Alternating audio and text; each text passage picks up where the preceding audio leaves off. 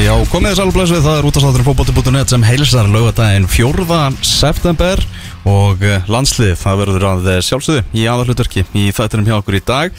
Elva Geir og Tómas Þór með okkur til klukkan 2 en eh, með okkur hérna fyrir hluta þáttarins er einnig Bjarni Guðjónsson. Sætla blæsaði Bjarni. Sælir.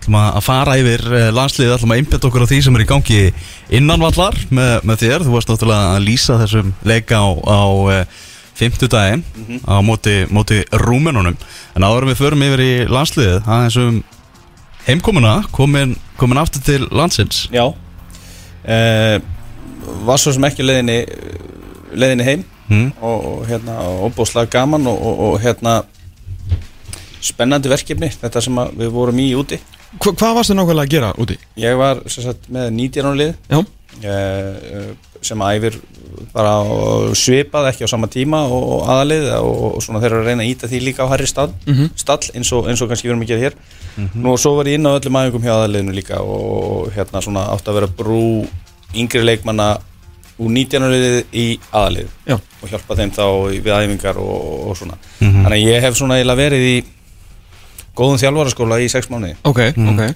Það verður að tala um Norrköpingi Svíþjóð svo, svo hlustum þessi með það alveg að reyna Já, nákvæmlega mm -hmm. Þannig að það, og, og, en svo kemur þetta upp hjá Káður mm -hmm. og, og uh, fyrir mitt liti þá var þetta bara óspennandi til að segja, segja því uh, Ég var nú ekki vissum þetta að tækja fyrir kæmi en, en, en svo þegar að koma þá og þetta eftir það þegar þetta fer í gang að, að þá gerist þetta nokkur rætt og mér líður hver ekki betur heldur nút í káður mm -hmm. uh, mér finnst einhvern veginn allt varða mig eða mér, finnst ég þurfa að hafa skoðun öllum hlutum sem eru verið að gera þar og, og, og hvað hva svo sem það er en, og hefa búin slag gaman að því mm -hmm. þannig að þetta er, er held ég uh, þetta á eftir eiga vel við mig mm. Er þetta að fara að þjálfa eitthvað með þessu? Ertu bara komin í, í svona framkvæmda stjóra gýrin? Já, já, nei, já, ég er ekki að fara að þjálfa Ekki fyrir þjálfa? Nei, það, þetta er feiki nóg En, já, ég er ekki spurning. En er þetta ekki, þetta lítur að vera erfið ákvörnum því að veist, við veitum allir að, hérna, að, að þú ert mikill þjálfari skilur, þú veist, þið finnst gaman að þjálfa og þú ætlaðir og, og ætlaðir mögulega ennþá, skilur, að einhverja hluti í þjálfun. Já, já, maður veit ekki hvernig, hvernig þetta þróast áfram og, og, og hérna, þetta er, er sérstatt að því að mér finnst ég eftir þess að döðluti svíþjóð mm -hmm. mörgvalt betri þjálfur heldur en aðunni fór Einmitt, og búin að læra fullt og sjá fullt og þetta er svona gaman að sitja vel líðina mm -hmm. en vera samt alveg í einsta ring og, og, og halda svo meira og minna með bara strákonu sínum mm -hmm. eða skilur þú veist Ísak og vonast til að Íslandingunum gangi vel og svona og, en, en, en hérna þannig að þetta, þetta er búið að vera óbúslega fróðlegt og réttið að ég hef óbúslega gaman að þjálfun og mhm. fókbalta bara svona yfir höfuð en, en ég er náttúrulega ekkit langt undan fókbaltanum í þessu starfi út í káar þó að vissulega séu fleiri deildir og, og svona meira að huga. Mm -hmm. en, en það er nú ætlast til þess að það sé svona meiri dagvinnar líka. Já. vissulega dreifist á og verði kvöldvinnar líka og mm -hmm. helgavinnar og svo framvegis og maður er einhvern veginn alltaf í starfi. En, en ég verð ekki ég verð ekki á begnum með rúnari Nei, ekki, ekki þannig um sinn En svo er þetta náttúrulega líka að þú ert mentaður í þessu í, svona, í stjórnun og því þú er náttúrulega sint svona störfum áður það sem er bara að stýra á stjórnuna Já, Já. ég kláraði viðskiptafræði Já. á sín tíma þegar þú komið heim mm -hmm. og svo er ég náttúrulega unni mikið í þessu ellingsinn á sín tíma nákvæmlega, nákvæmlega. Hérna, svo var ég áður en ég fór út þá var ég hérna uppi hérna, ekki langt undan hjá Vís Já. þannig að það er búið að vera ég er búin að vera á flegi ferði í atvinnulífunu en, en alltaf draumurinn að komast í fullstarf í íþróttum Já, já. Ég, það er líka passion Og hvað, hérna, hvað er framöndan hjá þér? Hvað er bara fyrsta sem þú sest í stólun hjá Káver? Hvað ætlar að gera? Er að reyna að byggja nýja völl? Og... Já, það, það er hérna, í mjög, virðist verið mjög uh, góðum höndum akkurat núna okay. og við erum á góðum stað þar uh, trúi ég því og það er bara mjög gott fólk að vinna góða vinnu mm -hmm.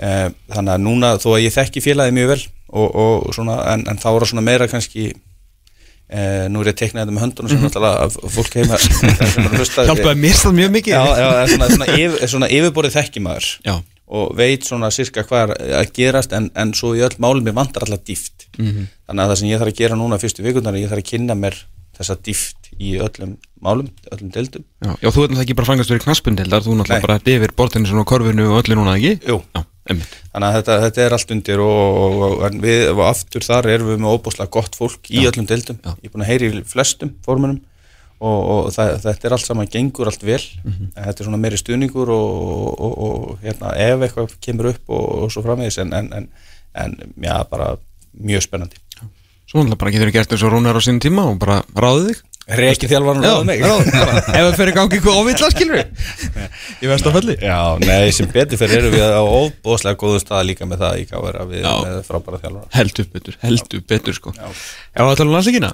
Já, förum aðeins í, byrjum á þessu leika á, á, á fimmtudaginn á móti, móti rúminunum þar sem við eh, töpum þessum leik ekki bara byrja á svona byrjunarliðinu þetta var svona íminnstætt áhugavert sem að var í, í byrjunarliðinu hjá, hjá þjálfurinnum í, í þessum leik. Já, Maður ma naut sérstaklega um bara ef maður grífur fram í því að við vorum að horfa á þetta saman og hérna þú fórst í, þú fórst hérna sideline hérna ræðuna hérna þar sem þú fórst ég hóð sest strax alveg hérna með Rúnar Alex og þú vildi bara fá hann fyrr og bara þú veist hætta að svona vera alltaf að íta hann þessi aftur inn með fullri viðingu, þú vilt bara nýja tíma þar og já, kannski byrjum þar ánum förum í andralúkas. Og svona, já vittur þetta löngu tímabært eða bara svona núna kannski? Já, sko, já, ég nein, langar að byrja hann að sér spilaði með honum frábær markmaður. Já. kom í káar ótrúlegu liðsfélagi og frábær markmaður. Þetta er ekkit með hann Nei, að gera. nei.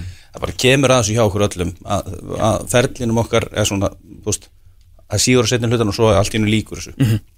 eh, besti markmaður Íslands og ef við varum að setja saman besta byrjunarlið Íslands þá var Hannes alltaf í markinu mér. Já. Uh, ég held hins vegar að það sé búið og, og með fullur í virðingu það sem við verið að gera uh, hér heima í markmannsjálfun eða uh, já, þó að vera í Skandinavíu þá held ég að sé geta líka í sama við það sem að Rúnar Alves er búin að gangi gegnum í Arsenal núna í tvö ár. Og, og að því að markminn eru svona að ekki að, spila, ekki að spila eða ekki leikin eru að létta fyrir markminn þeir eru ekkert að verja.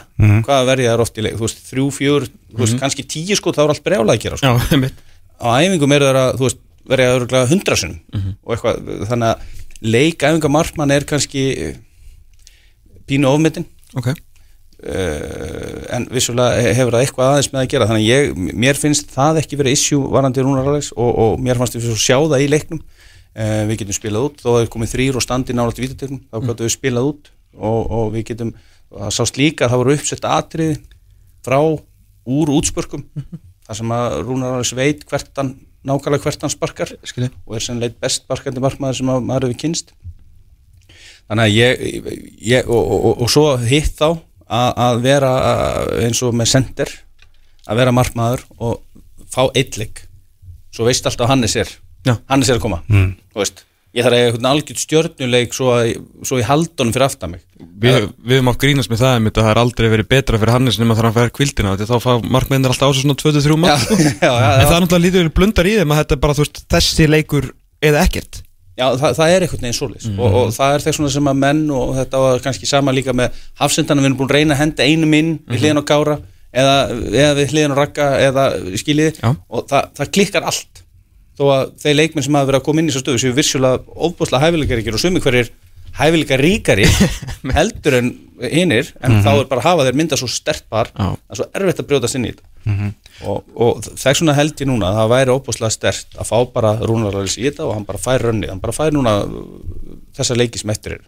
Já, að þjálfararnir bara tilkynni það að hann sé markmaður nummer eitt eða um núna. Já, ég, það er algjör nóbrennir fyrir mig. Já. Að það sé bara svona og, og, og þá fær hann eitthvað tækifæri, eitthvað drönn í liðinu og ef að það gengur ekki, þá er allt fullt af ungum efnum strákum fyrir aftan mm Á, Já, Rúnar Alins þá kannski bara út af þá aldrinu með þetta eins og Patrik Sigur er kannski búin að, ég veit að varst að segja kannski leikaðing skiptir ekki öllu en með við náttúrulega þetta frábæra tímbil sem að til dæmis Patrik átti. Veist, en, en bara Rúnar þá að því að hann er þá aðeins eldri og, og vera aðeins herra leveli og Já ég, ég, ég held það. Ég, hérna, og, og, og, eins og ég segi svo og svo á hann ekkit þannig þá getur Nei, nei, nei, nei, nei, nei, en, en gefa hann rönn Já, áhugavert, en svo náttúrulega hérna náttúrulega er, ég sagði aðstóðþjóðlega að það er framherra krísa Mhm. og við endum með, já nú hefur Andri Lukas Guðarsson spilaði jafnmarka mestarflóksleiki og landsleiki sem er ótrúleg staða en ég menna þú veist, við þurfum bara að taka því sem fyrir höndum ber Mhm. og þú sagði líka hérna fyrir leik að þú bara vilja ég bara láta hann bara spila, fyrst að hann væri hvort sem er valinn sko. Já, eh, það er búið að velja hann Já, og svo dettur sá sem er undan honum all, eh, sem við heldum að undan, undan honum Já. út úr hópnum eh, og svo náði annan framherja. Við höfum reynda að sé þetta gerst allt of vissulega. Og þetta er alltaf jafn skrítið og, þetta er kannski eitthvað sem maður á eftir að reyna að setna að henda hún þá framfyrir Andra Lukas hérna, við erni í Já. þetta skipti. Að, að ég, að því að það er mikið talað um þessu endur nýjun og þessa breyting og þetta og, og ég er ekkit ofbúslega kvikur, við sáum að koma kvikur. Hann, hann er hérna eh, þannig að ég held að sko af hverju ekki gefa hún sjansin Mm. Með hann var valin og undan við þeirri já, allan til að byrja með sko. Já, ég bara, mér fannst þetta mér fannst þetta eiginlega ekki vera nokkuð spurning. Nei, ég og ég veit þetta er kannski pínu erfitt uh, hérna með og eða sem sagt að pappan sé þarna í, í kringum þetta en það er bara ekki að skipta neinu einasta máli. Þeir eru ekkert að velja hann að því hann er sonur eðismóra það er alveg hreinu. Nei, hann er bara á, á eigin verleikum hann inni. Ég er ekki nokkur um einasta vafenda Ég með Carlo Ancelotti var ekki að velja hann í, í mestraldahópina þennan svonur eðsmála sko. Nei, er mögulega það getur eitthvað í fótbolta sko. En þetta er rosa skrítið eins og segir með það að þú ert að velja hóp fyrir þreggja leikja þrjáleiki í fyrsta leik þá kemur einn maður sem er kallaður inn í hópin út annað eftir út sko. já, Veist, eins og svona, hafi ekki verið viðbúin því að eitthvað geti komið upp á með þessa stöðu sko. já, það er þetta kom bíldu óvart. Uh, flestir náttúrulega heldur Albert myndi fara fram. Já, emitt, algjörlega. uh, og, og, en það var náttúrulega verið að reyna að vera með í þessum leik vantilega sókt jarvara lið Mhm. heldur hann kannski í, næsta og tala hann ekki um þar næsta leik Já, við erum náttúrulega bara lendi í eldingaleik í riðlinum og þurfum að reyna að vinna leikina sko. En þú veist, ég ásverði líka aðeins bara kannski koma að því með, með viðar að hérna, þú veist, fyrir, eh, þú veist, jú, hann er, svona, hérna, klikkað stundum hér og þar eitthvað og kannski, þú veist, ekki þá er ekki meira á vellinum, en þú veist, svona, svona síni brestir og, og veist, allt í góðu, en, en hérna, bara hann hafi mætt, veist, með við bara svona, já, hvað hann er búin að bara dissið sem er búið að vera í gangi undanfarnar mánuði, að verður eiginlega að gefa hann bara kredit fyrir það og hérna veist, ég veit um að ágætt eitthvað, þú veist, að sé eitthvað standandi logoklaff þegar menn, menn eru valdir í landslið auðvitað á þetta að vera þinn mesti heiður sko, en þetta er búið að vera rosalega mikið törmóil fyrir hann að fá að spila einhverja leiki sko. Já, er búin að vera frábæri uh, alltaf og skora fullt af mörgum í sínum liðum og, og, og alltaf einhvern veginn lent utan hóps hér Já. eða utan liðs. Já, þannig já, já, bara gott attitút spútur. og, og hérna bara ánaði með hann sko. Og gerði það sem hann gætt En leikurinn sem slíkur, hvað hérna, hvernig horfði það verið? Voru ekki, við vorum fínir í fyrri, allan svona bolti og Já, ég er bara mjög ánað með fyrirháleikin Já.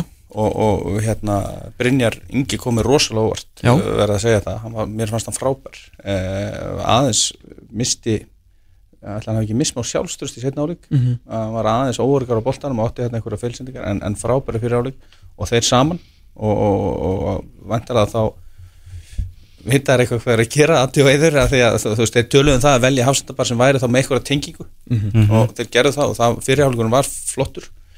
Um, og mér fannst fullt af flottum hlutum í fyrirháleikunum uh, þó að við sem ekki, ekki kannski skapað dauðafæri en það vorum við mikið með boltan og, og, og fullt af fínu spili en kannski fullt mikið með langar sendingar. Já, af því að við vorum búinir, þegar við vorum búinir að tegja á þeim og þeir voru orðin tegðir sem gerðist með fyrstu lungu sendingunum, þarna á milli kanta sérstaklega, að þá voru komin svæð inn, í, inn á miðuna sem var hægt að spila og, og í þessu liði eins og sást allt fullt af strákum sem bara vilja taka mótunum og senda hann og reyfa hann og, og, og það er það sem við erum að hafa og svo kemur Ísakinn á í setna áleik og mér fannst hann að sé rosalega vel. Mm góður á boltanum og, og þannig að þetta, þetta býr alveg í liðinu. Já, og svona framtíðin kannski er þurfum ekki líka svolítið að spila því ég meina, ég held að þetta landslið sem að náði þessum æfintilega árangri, við spilum kannski svolítið upp á styrkleika þess, ég veist, það eru færri kannski snillinga með boltan þannig, ég meina, Gilvi frábær, Jói frábær Alfred, þú veist, Kolli rosalega góður í fótbolta en hans náttúrulega styrkur kannski meira á, upp á, í præminu var bara styrkur yfir höfuð, bara skalla og, og Jóndaði náttúrulega vinsluhestur og, og mörk að sjálfsögðu sem er mjög dýrmætt sko, en einmitt svona þetta því að þú veist, ég hef alveg átt erfitt með að sjá liðið einhvern veginn svona tala um það að að fara að spila bara meiri fótbolta eins og sé ekkert mál. Síðan svona hugsa maður bara, já, en gætið sem er að koma upp eru kannski meiri fótboltamenn. En kannski bara svona eðlið þróun að gera það. Já, ég hugsa það, en, en ég held að uh, við erum samt á þeim stað og sjáum að það eru fáum Þískaland hérna að, að það er samt nokkuð skref upp í topp já, já, já, já, algjörlega. Og það er svona verður grunnurinn hjá okkur alltaf eða ennþá að vera svo hinn sami, við verðum ekki að fara og varist almennilega, við verðum ekki að bara við eigum ekki að fá okkur tvö á heimavalli alveg sama á við spila. Sammála. Og þetta lið sem við spilum við á 50 daginn er alls ekkit gott lið. Neip.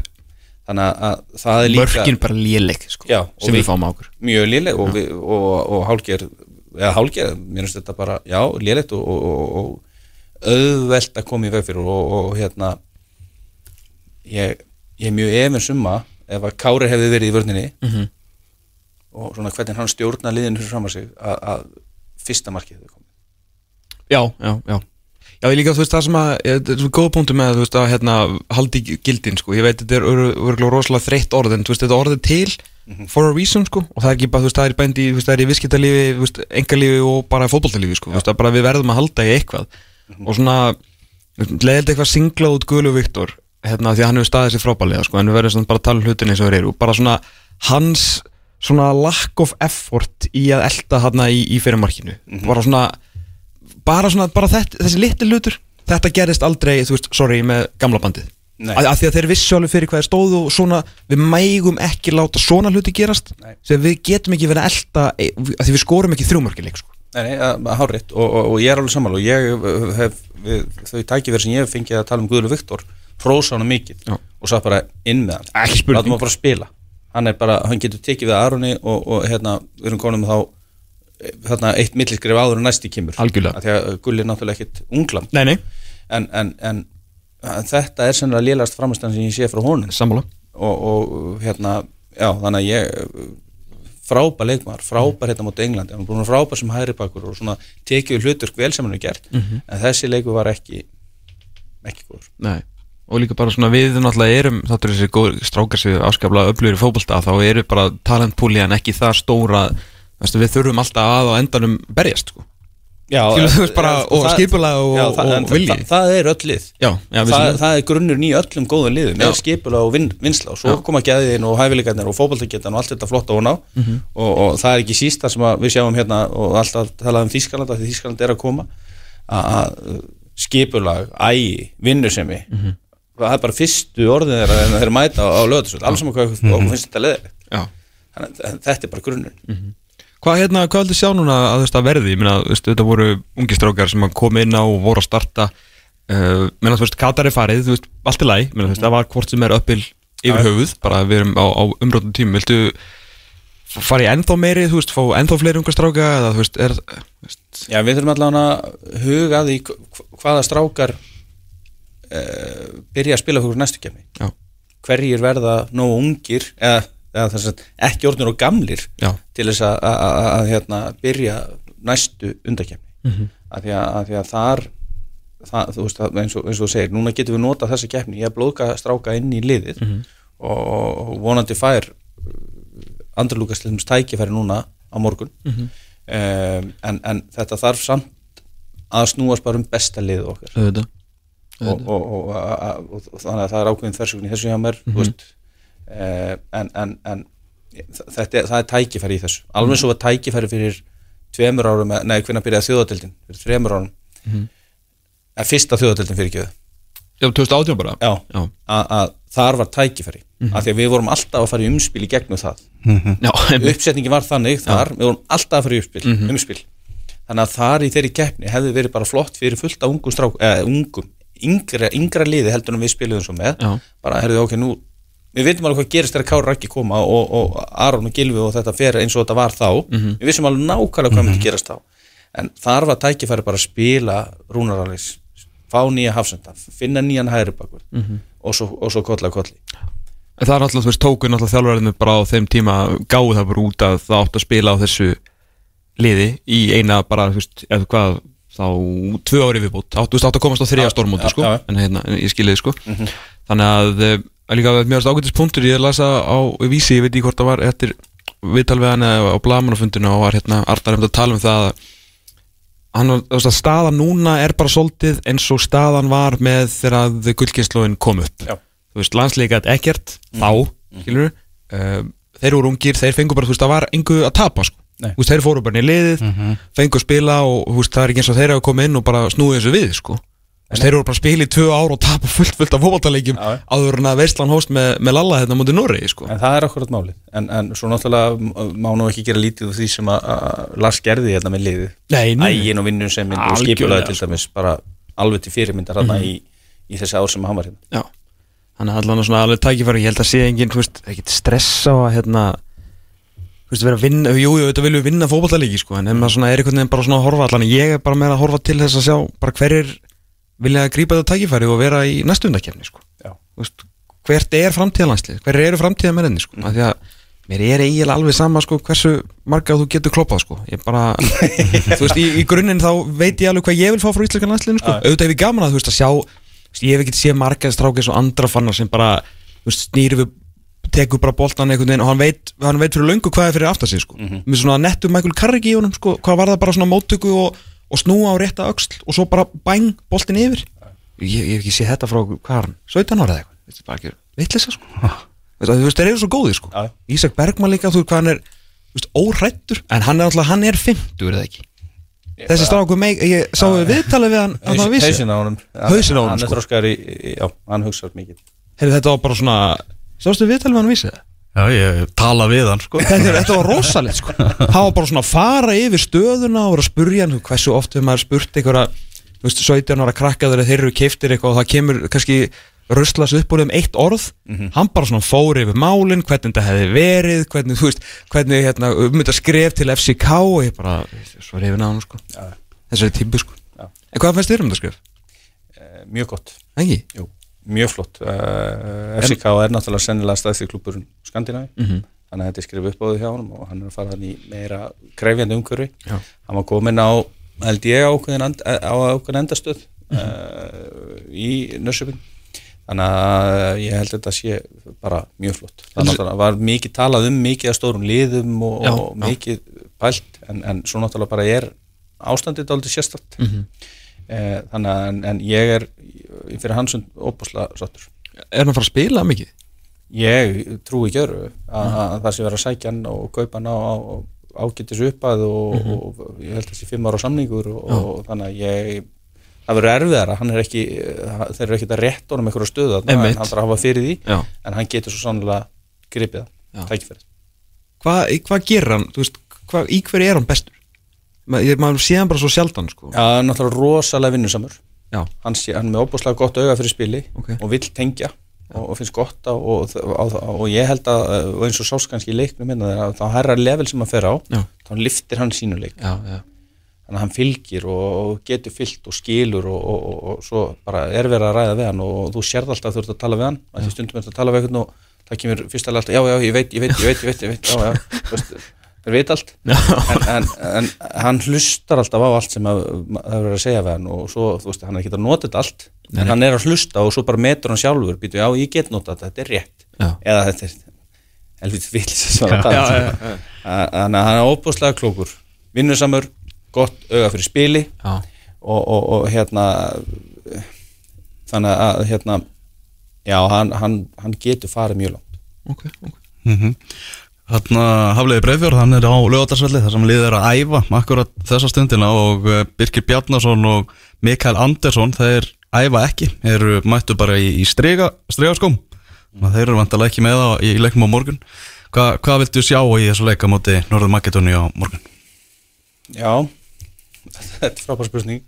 Ég, uh, ég ég er einhvern veginn á þeim stað að ég vil fara að sjá þetta lið hvað verður, hvað er að koma framöndan Hmm. þannig að ég var alveg til að sjá aftur eitthvað svipað, svipaða pælingar að reyna yngja lið reyna að hérna að því að úslitin í þessum leik er ekkit alveg endilega það sem að ég held að sé make or break hvorki fyrir þjálfarana eða, eða fyrir okkur. Mm -hmm. eh, en, en svo fer að koma því að úslitin fara að skipta öllu máli. Eh, þannig að ég myndi vilja sjá áfram unga strákir lið. Eh, pínu sögtur að heyra þetta með Birki en Já, kemur nú ekki orð djúpur en, en uh, skulum sjá til. Mm uh, þannig að já.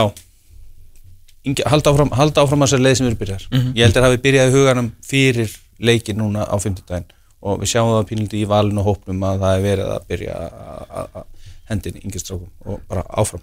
Það er alveg möguleika því að bara eftir sex leiki þá erum við bara með þrjú stig í riðlinum, það er bara nokkuð góður möguleiki á því.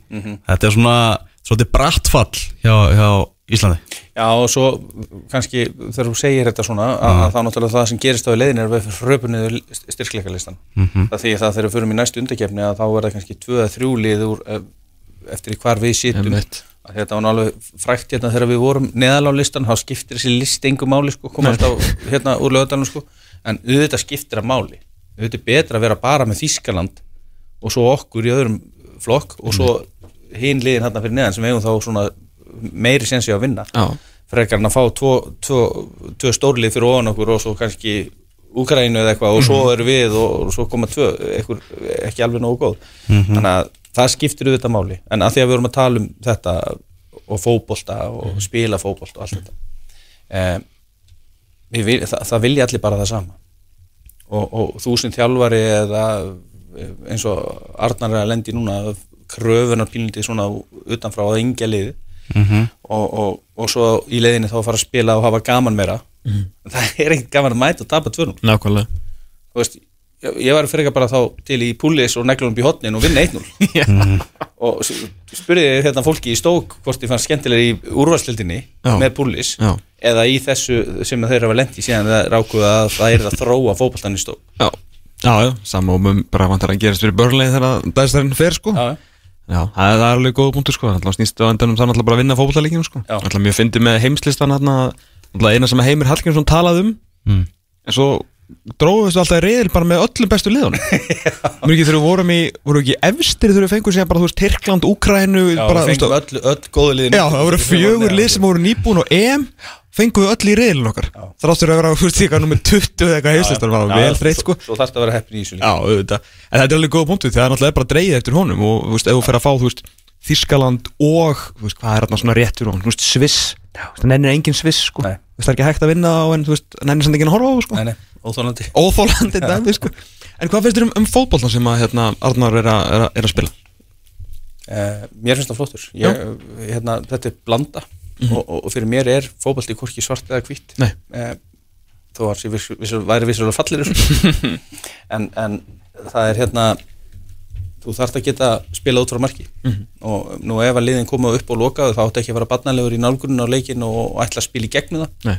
Öðru hverju þarftu bara að sparka langt.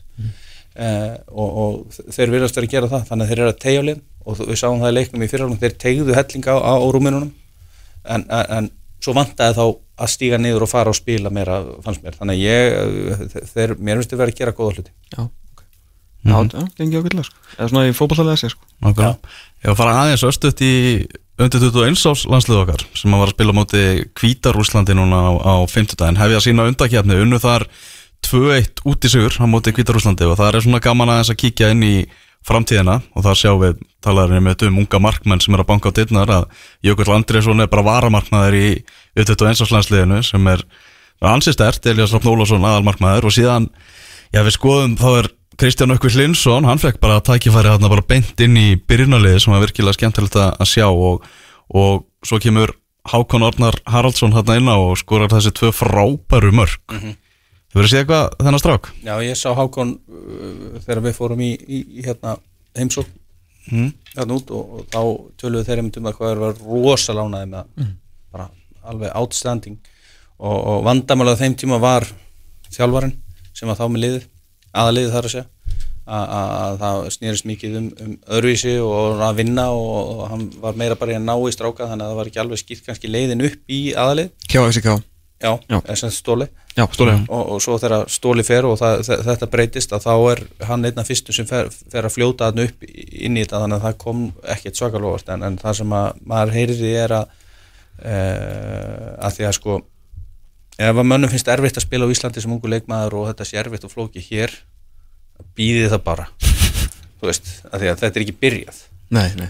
Vand, erfiðleikarnir byrja ekkert fyrir að vera aðdunumæður það halda allir þetta sé bara já ég er búin að, nú, þetta er komið, ég er aðdunumæður nei, að, þú veist, það er ekki svoleiðis. Nei. þá fyrst byrja vinnan og kröfunar og, og það sem hún þarf að gangi gegnum aðalis hópur svo bara að því hann er svo ungur 17 ára liði þetta er ekkert svakalega gaman. Þetta er hlutur sem ég lendi líki og ég, ég höndlaði ekki rétt. Nei. eh, og svona getur flakkað á milli þegar þú ert á þessum aldri. En, en það sem maður heyrir af ákonni í, í, í hjá FCK er að hann tekur þessu bara öllu bara niður með hausinn og vinnur sér í gegnum allt Einmitt.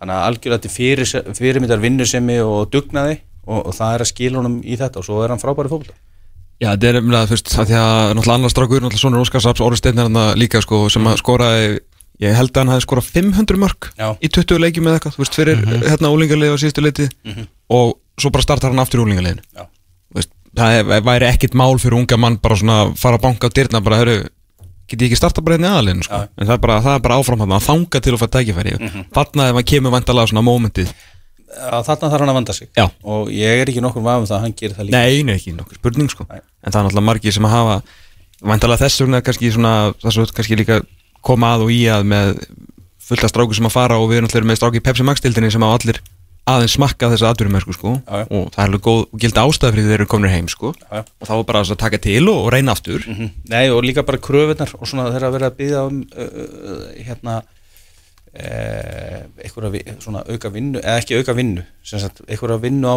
æfingavellinum að þá eru of menn og fljóti bara þú veist, ég kann þetta, ég kann þetta Einmitt. þú veist eh, í stórulegunum sko þá er bara varnamenn einu sinni í viku, minnstu bara búm, alltaf. Já, og svo hérna heima eru alltaf að pæli því hvort að strákunum finnst gaman á Já. og, og óbúslega mikill það fer alltaf mikill orka í það að finna út úr því hvað gaman fyrir það að gera. Mm. það er öllum skýtsam úti hvort að strákunum finnst gaman á æfingu eða ekki. Að, þú veist og auðvitað, en, en, en þarna þeim sem tekst að blanda þessu saman við viljum ekki hafa þetta of þungt og leiðilegt og það er ekki, ég er ekki að setja þungt og leiðilegt úti. Nei, nei, ég er bara að segja að þú veist, þeir eru ekkert, já, er þetta skemmtilegt? Nei. Bara nei, við þurfum að gera þetta. Við þurfum að vinna í þessu. Hann þarf að læra þetta og skiljiði mig. Já, en finnst ekki góðum leikmönnum bara góðar æfingar skemmtilegar? Jú, ég, ég held það. Og, og það vilja allir að liðin þeirra gangi vel. Það vilja allir að liðið þeirra sé skipulagt í góðu formi. Já, en til þess að sé skipulagt og í góðu formi Já. þá þátt að hlaupa og vinna í taktík.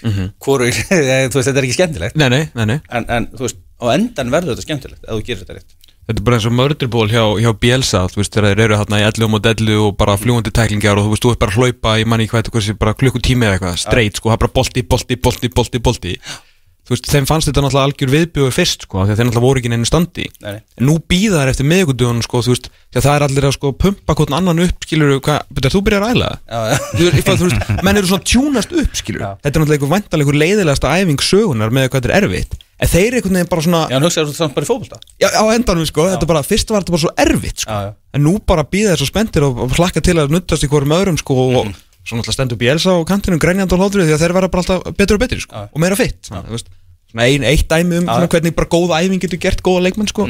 En ekkit, það er ekki eitthvað hlæjandi sko. Ég sagði það ekki sko En já, en, hérna, en sástu undir tvæðsleikina? Nei, ég, því miður ég er ekki það tæknilega góður að Nei, finna þetta. Það var strempið að finna þetta. Það var strempið að finna þetta sko, Það voru einhverju sem, það voru nokkur sem fundu þetta en ég var vonbreið fyrir mig, ég var alveg vissum þetta er syngt að hann var- í bytni eitthvað staðar. Já, já, þetta var bara flott fínast útsending Það var bara frábær útsending Frábær útsending, sko. Já, Bara miklu, mikilvægt til hérna Eh, Hákon Arnar kom náttúrulega inn á, á 50 mínúti Eftir að Brynjólu Viljánsson fór meittist þarna aftan í, aftan í læri Þannig að hann nýtti þetta heldur betur gó- góð innkoma í honum vagasagt Og það er leikur sem hann á móti Grikkjum á, á þriðudaginn Sem er annar leikurinn og á- áhugavert að hann er á Vúrþvellinu U21 og landslið búið yfirgefa heimavöll hamingjuna sem, sem heimavöll. Hvað fannst þeim leðilegt að vinna alla leikina? Já, greinlega Já, Ég held að séum sko 9-0 í hemminginu já var það? Ef ég bara hefum ekki gert jafnteflið þar sko. Nei, Öll Þess vegna er þetta mjög skreitin Er ekki síðasti leikur á Vúrþvellir um eitthvað 15-2 tap fyrir Spáni? Það getur verið. Þegar Angelini og hérna Nei, við töpum við ekki 7-1 eða eitthvað. Þegar vinstri bakurinn sem að Já, alveg. var í Manchester City og er í Leipzig. Þetta er ekki Angelini eða eitthvað Hann var hérna bara að pakka okkur saman sko. Já, sáum ekki til sólar það Nei. Ja, þetta er, kási verður bara að standa og falla með þessar ákvörðun. Eða reyndar þess sem er eftir að því en það er annar mál. Herru, eru ekki bara góðir að það hann er út í daginn. Takk hjálpa fyrir konarbyrni, reyngilega gaman að fá þig. Og velkomin heim. Takk. Við vonum að fá hérna, við höfum nú vantarlega eftir að fá þig eitthvað meira þar að framliða stundinu Við ætlum að árum að tala um fótbolta. Til klukkan tvö í dag og möttum að fara í stjórnamálin hjá KSC út í hvað og hvað og Já. klukkan og Já, ætlum að reyna að skipta það yfir í beina útsendingu frá fréttamannafundi. Já. Arnars Þór Sviðarssonar sem að hefst eftir um það byl tíu mínútur, það er svo. Það verður aldrei að vita nema hann verður kannski spurður eitthvað út í fótbolta. Já, Það er aldrei að vita. Allt í auðvitað, þetta var hljónsti Möys, eh, kerfisbundin þrá. En uh, við ætlum að uh, Já, erum að reyna að tengja okkur hérna við lögadarsveld þar sem er að fara að hefjast núna frétta manna fundur fyrir leik eh, Íslands og Norður Makedóníu í Jóðriðli undakefni HM Töpum 0-2 fyrir Rúmeníu fyrra dag gerðum uh, þennan leik upp með Bjarna Guðjónsinni hérna rétt á þann og svo er þessi leikur á morgun og svo er leikur á miðvíkutaskvöldið á móti þjóðverjum sem hefst klukkan 18.45 þannig að það verður Fróld að sjá hvað eh, Þú Viðarsson er, að- er að segja hérna á þessum fréttamannafundi. Uh, Haflega að tala um það að Jói Berg hafi heldur ekki verið með á æfingunni. Ég talaði um Mikael Andersson og, og Birki Bjarnason áðan.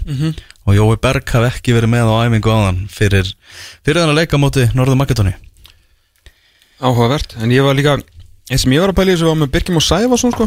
Mm. Er hann ekki að fara þá í 100 leiki á morgun? Jú. Ekki Birki Bjarnason og hann spilar ekki Spurning vonandi kannski verða þeir klárir fyrir þegar þetta fer að, fer að stað. Býðum og sjáum. Býðum og sjáum. Já, við erum hérna uh, fundurinn í beitn útsendingu á uh, vísi.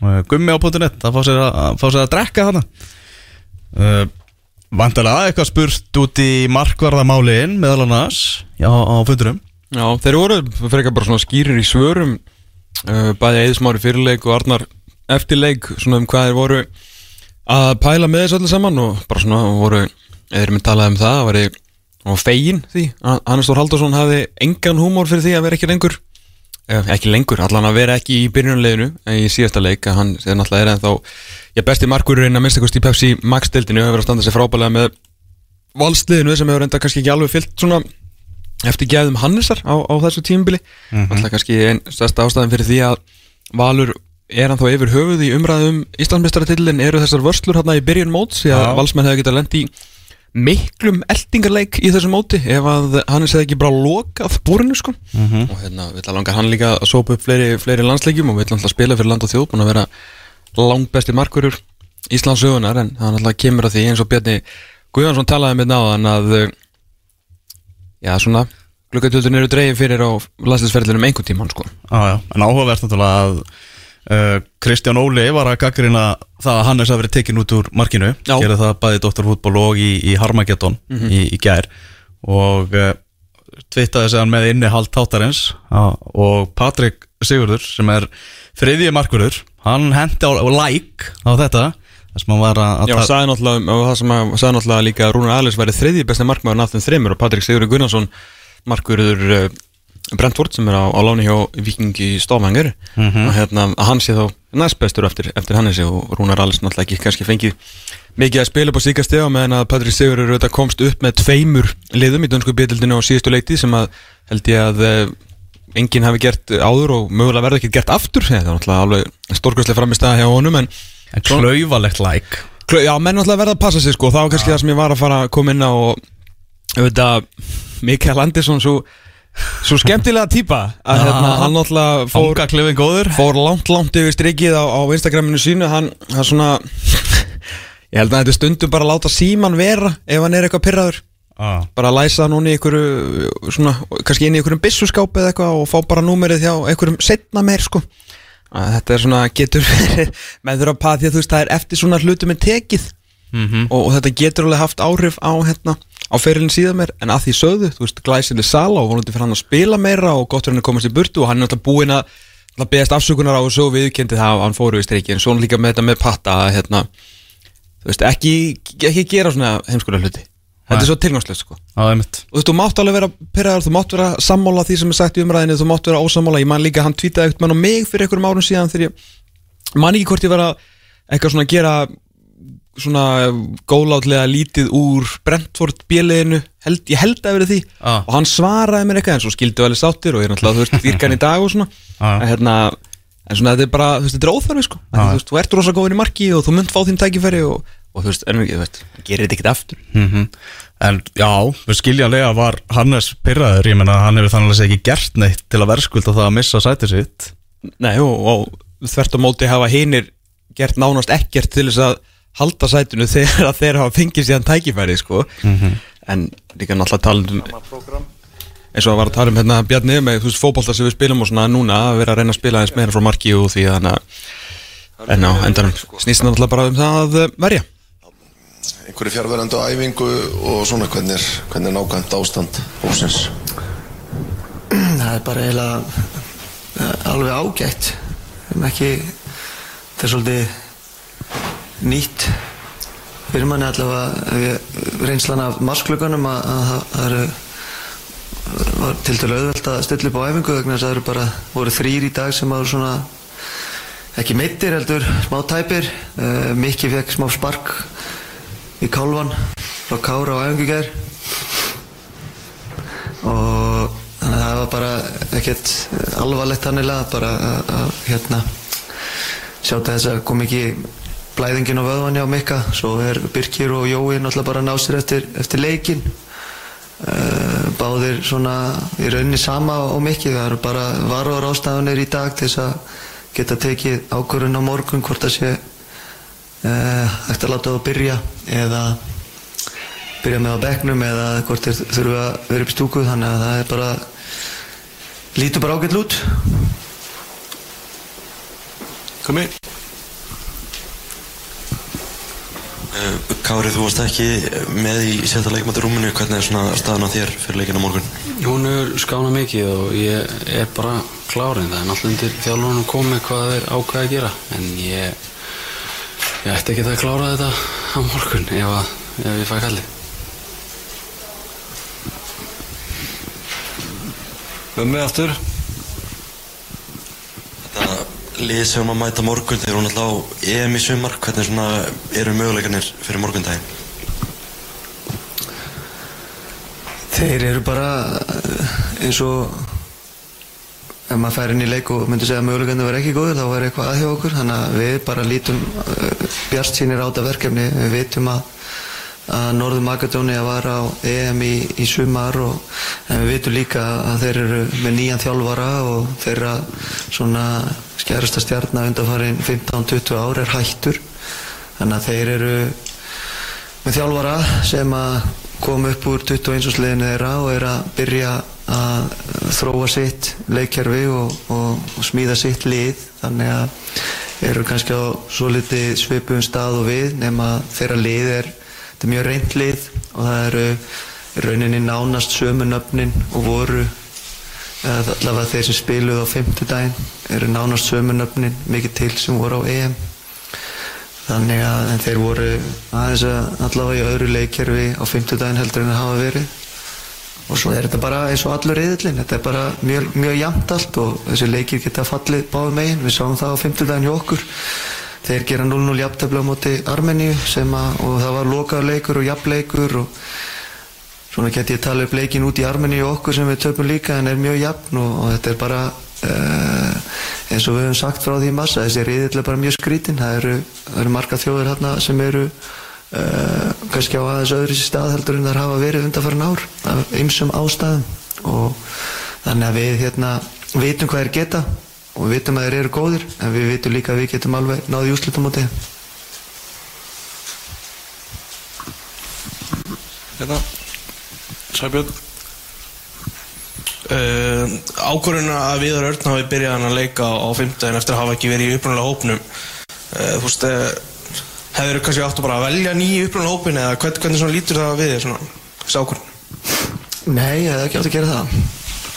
Um, Kolbeinn var í uppröðulega hópnum og uppaflega hugsunin var að Kolbeinn væri sendir nummer eitt og við værum með bæði Albert og Andra Lukas uh, nummer tvö, kannski meira Albert nummer tvö og Andra Lukas sem ungan sender sem við viljum uh, sjá. Við töldum til dæmis að þetta verkefni núna hendaði Andra Lukasi betur heldur en 21. verkefni.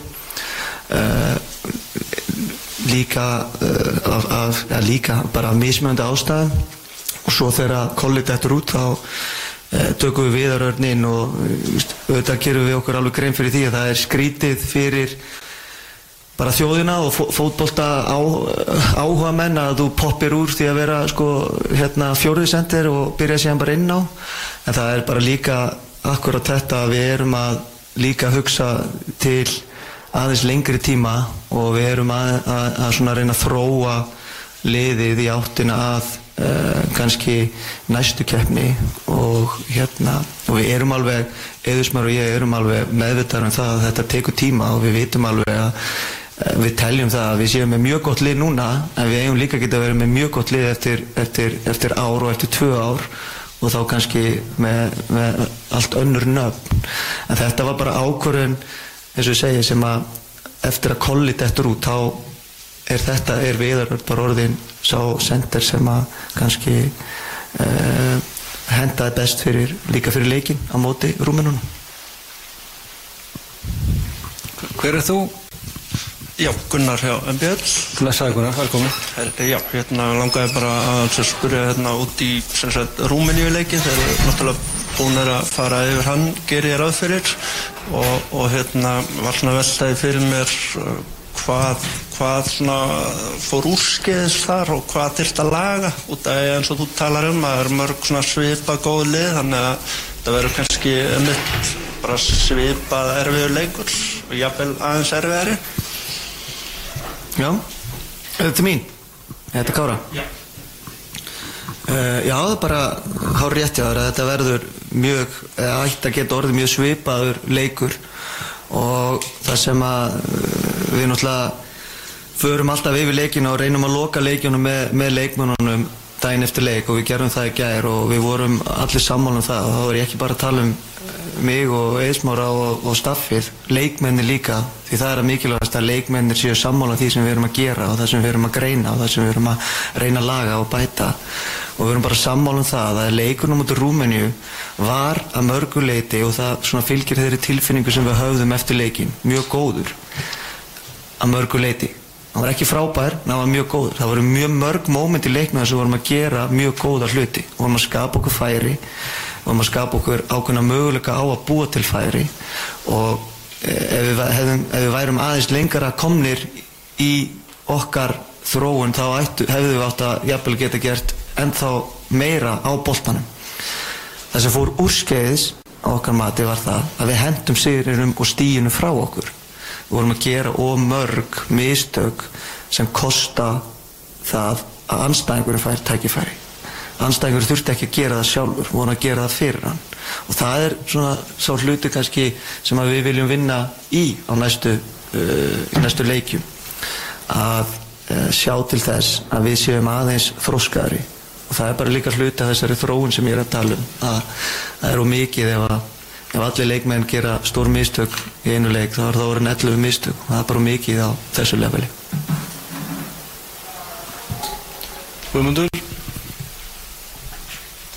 Það var svona mikið rætt um markvaravalið í sérsta leik. Ertu búin að ákvæða hverju er í marki á morgun? Já, viltu eitthvað að segja um það? nei. Verður Til Kára kannski, ég minna þú er upplifað allt sviðið í þessu landsliði fa- byrjar í, í, í ströggli og svo koma góð orðin þrjú töp núna í fyrstu fjórun leikjónum og virðist vera svona tímapunktur til, til þess að tímapunktur er bara núna að vera endur nýja liði, nýtt lið. Þannig að hvernig er að, fara í, ge- að byrja á þessu ferli aftur og, og hvaða ráð hefur til þeirra sem eru að koma inn núna og byrja kannski í svona smá mótbyr Já, já, það er náttúrulega bara það var alltaf að fara að gerast. Þetta gæti ekki haldið áfram með heilu ég meina menn dett út og vegna aldurs og, og, og já, fyrir starfa. En hérna þetta er náttúrulega bara eins og þú segir þetta er bara uppbyggingafasi og hann tekur tíma. En eh, ég hef sagt áður þetta snýst svo mikið um einbeitingu. Það er rosa skrítið að segja auðvitað þarfst að hafa ákveðin gæði en þessi strákar hafa allir gæði. Og næg gæði til þess að spila þessu leveli en, en hérna þeir, þeir þurfa að halda einbettingu í 90 mínútur. Þetta er algjör klísja að segja þetta en það er bara staðrinni þú verður að, sérstaklega í varnarleik þú verður að halda einbettingu og, og vita hvað allir eru og, og svo framvegis. Þannig að það er bestur ráðum sem ég get ge- gefið þeim bara. Þetta er bara einbetting í 90 mínútur pluss og leðu tapar henni í 1-5 sekundur þá getur allt, allt gert sko. Einar. Já, hérna. Sæbjörn? Aftur að kannski markvara valin á fimmtudaginn. Patrik uh, líka við fæslu sem að markvara valið var gaggrind hefur eitthvað rætt við Patrik og hvað finnst þér um þetta? Já, við tókum fundum þetta með öllum markmannum og ég spurði Patta hvort varst að læka það að Rúnar er í markinu eða Hannes ekki í markinu En bara svona vildi ekki gefa út af það sko. Nei, en svona hegðun bara almennt á samfélagsmiðlum hefur Já, þetta er, jú, jú, þetta var náttúrulega bara Patta, þú veist, Patta er bara þetta er náttúrulega ekkert það sem hann rauninni gerir, hann lækar uh, held, var ekki podcast eða eitthvað svoleiðis? Og hérna var ekki þáttarins. Bara efni Já, þáttarins það var ekki, það var svo sem ekkert að læka neitt. Það sem var að ræði þættinum held ég og en þetta er bara, þú veist, þessi, þú veist, social media sem við lifum í og, þú veist, Patti vissi það alveg ég hefði kannski ekki alveg átt að gera þetta en þetta var ekkert, alls ekki illa meint og hann er bara bara jákvæmt að hann hefur áhuga að hlusta á podcast þjóðarinnar. Það er bara, það sé umræðinni sko og hérna og þeir þrýr tóku því bara mjög vel og ég finn alveg að, að sko, ég, kannski svolítið stutt svari hjá mér á þann en, en það sem er til dæmis búin að vera það sem okkur fundist yfir var að segja við mig bara í dag og, og, og Dóri Markmannsjálfari að, að það er búin að vera rosalega góð orka og, og tenging og svona samstarf milli markmanna. Og við vitum alveg auðvitað, og ég sögðum eftir leik, yfir sagði fyrir leik og ég sagði eftir leik, auðvitað er þetta hundlegilegt fyrir Hannes en það er frábært að sjá hvernig Hannes hefur tekið við þessu vegna þess að það er akkurat það sem var verið að spurja Kára hvernig getið þið hjálpað?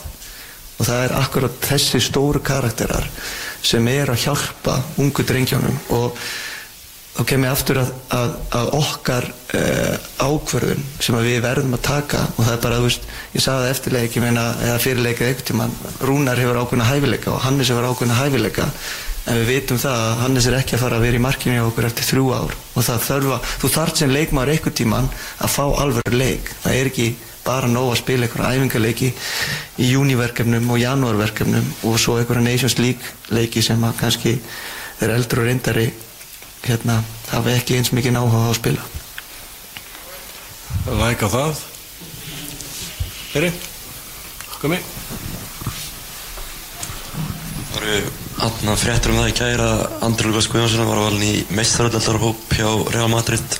Hversu stórt er það fyrir íslenska fókbalta í heilsinni að hafa svona ungar leikmann í, í meistaröldarhóp hjá eins stóru félagi á Real Madrid er? Mér finnst það frábært. Auðvitað er þetta stór hópur. Ég held að þetta sé, ég held að þetta sé 40 mann hópur eða mega sendin en það er sama, þú ert, þú ert einn af 40 sko. Og þetta er kannski Vist, ég voru að spyrja um viðar örn áðan og vist, maður skilur alla þessu umræðu og það er bara en það er akkurat þetta hvort sem það er Andri Lukas eða Mikael Egil eða Andri Fannar og Ísak sem eru að taka næstu skref í sínum þetta eru rosalega ungi drengir og það er rosalega stert að við skulum vera með þessa stráka á þessum stað akkurat núna. Og þá komum við kannski að því að við förum aftur allavega tilbaka þegar síðasta kynslu var að byrja að þá áttu við líka nokkra leikmenn á þessum aldri að, sem voru á mjög góðum stað á þessum í rauninni á þeim tímapunkti á þeirra ferli. Og það er svona það sem við erum að reyna að tengja við að þetta er framtíðin. Og þetta er ekki bara þessi sem er sko fættir 2003, 2003 og 2004 þetta eru líka strákanir sem fættir 98, 99 og, og 2000 og við eigum bara fullt af efnur og þeir eru allir að taka þessi réttu skref. En þessi réttu skref í klubunum eru ekki e, þau sömu og með landsleginu þið geta allir spurt kára því. Og hann, seg, hann svaraði sjálfur mómentin í landslegunum eru mikið mikilvægri hver einasta sekunda er mikilvæg. Það er, er auðveldar að gera mistök í félagslegunum í landsleginu er það ekki, það er ekkert í bóði og það er þess, þessi hluti sem þeir, þeir vera allir að fá að læra. Og þú getur bara lært það inn á vellinum. Með því að fylla heila búið af upplýsingum sem gerast inn á vellinum. Það er ekki hægt að gera það í Playstation eða með því að horfa á fókbaltaleiki í sjónvarpinu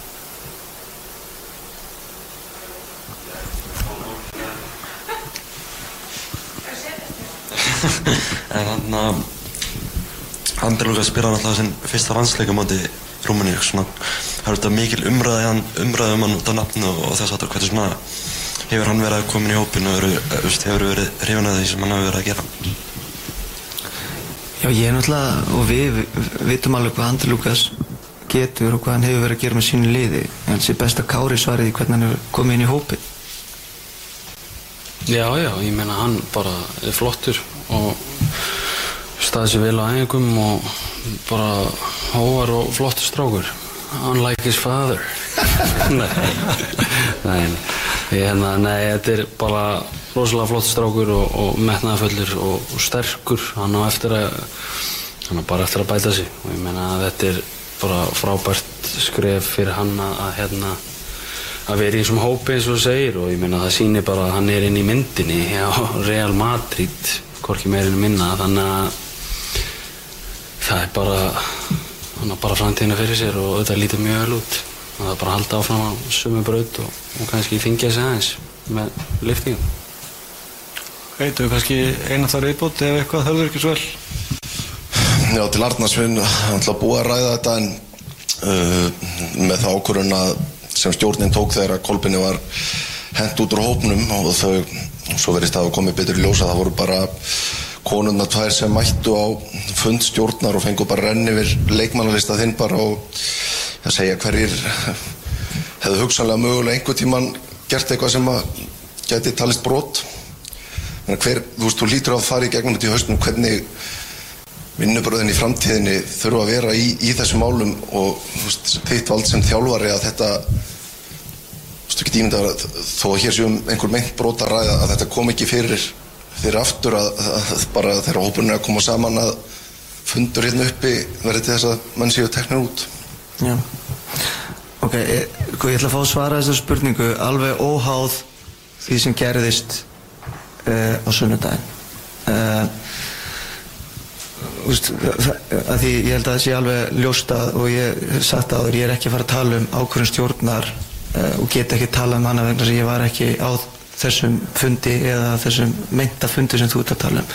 Eina sem ég get sagt er, uh, og þá hefur það ekkert með neitt mál eða neinn mál sem hafa verið umræðan að gera.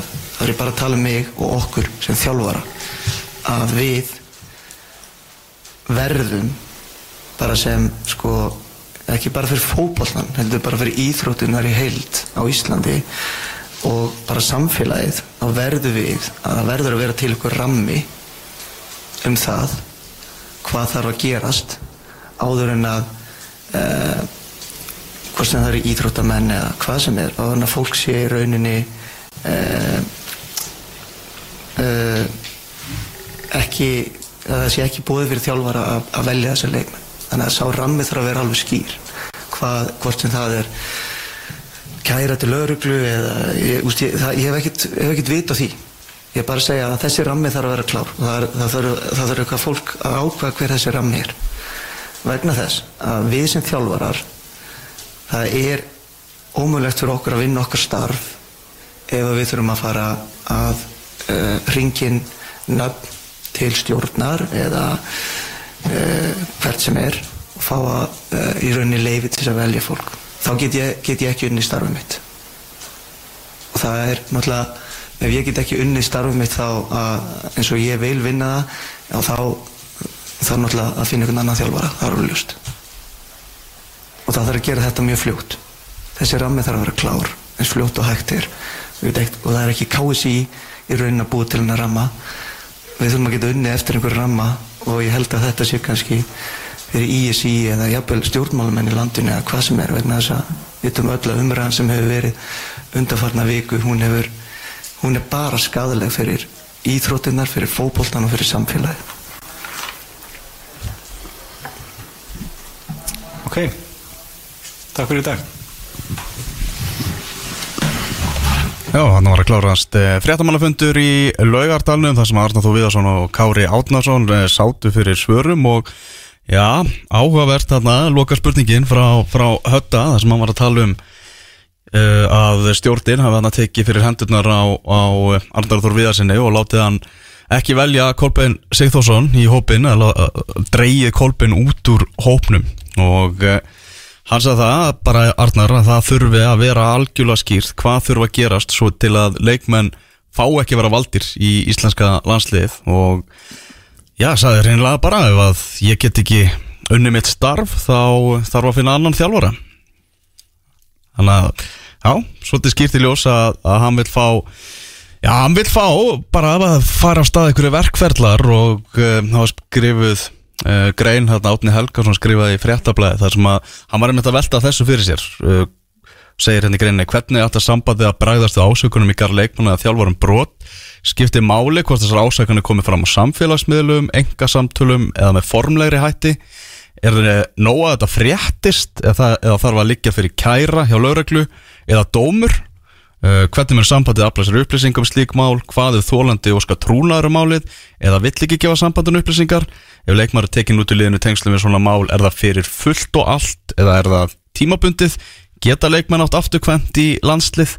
Þetta eru svona spurningarnar sem að Já, bara þurfa að vera svolítið skýrar svo að Arnur Þór Viðarsson geti unnið starfsitt eins og hann sagði Já, ekki bara Arnur Þór Viðarsson, minna, hann verður þarna bara í x ár og svo kemur næsti þjálfari og næsti þjálfari og, næsti þjálfari og með hvað svona þetta er ég er bara mikið samfélagslegt megin, ekkert bara hér heldur allstaðar að hérna, þá þarf náttúrulega að vera, vera, vera mjög skýra línur hvað á að gera og síðan þarf náttúrulega bara að standa við þær og við mm. uh, KSI í raun og veru og kannski bara við sem samfélag en kannski aðalega KSI þegar umræðin er þar og mögulega bara ISI í heldina að hérna, það er náttúrulega bara að nýta þennan, uh, þennan tímpunkt sem við erum komin á til þess að að bara að ákveða hvað verður gert næst Vist, ekki mm. bara einhvern veginn að reyna að, hérna, vist, að koma sér upp úr þessari hólu til þess að sjá skiljur dagsljósið og, og byrtuna aftur mm -hmm. á endanum komist við út úr þessu svona, þessari neikvæðni og sem er í, í hérna,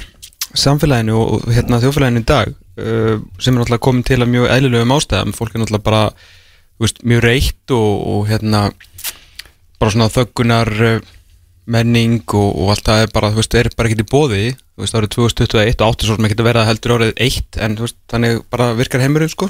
Mm -hmm. en þetta er náttúrulega er líka, þú veist, rosalega kjöri tækifærir fyrir KSI og fleiri til þess að bara gera eitthvað í málunum, skilju og, og það verður líka að gera veist, það, það, það má ekki gerast aftur að, eh, að það er verið ekki vitað veist, hver skilju, hvert á að snúa sér mm -hmm. e, vonandi kemur þetta ekki fyrir aftur skiljur mig en ef eitthvað svona veist, ber á góma að þá þarf að svara öllum þessu spurningum og það þurfa að vera til veist, á prenti og vottað þannig að það sé allan að fara eftir ykkur ah, ja.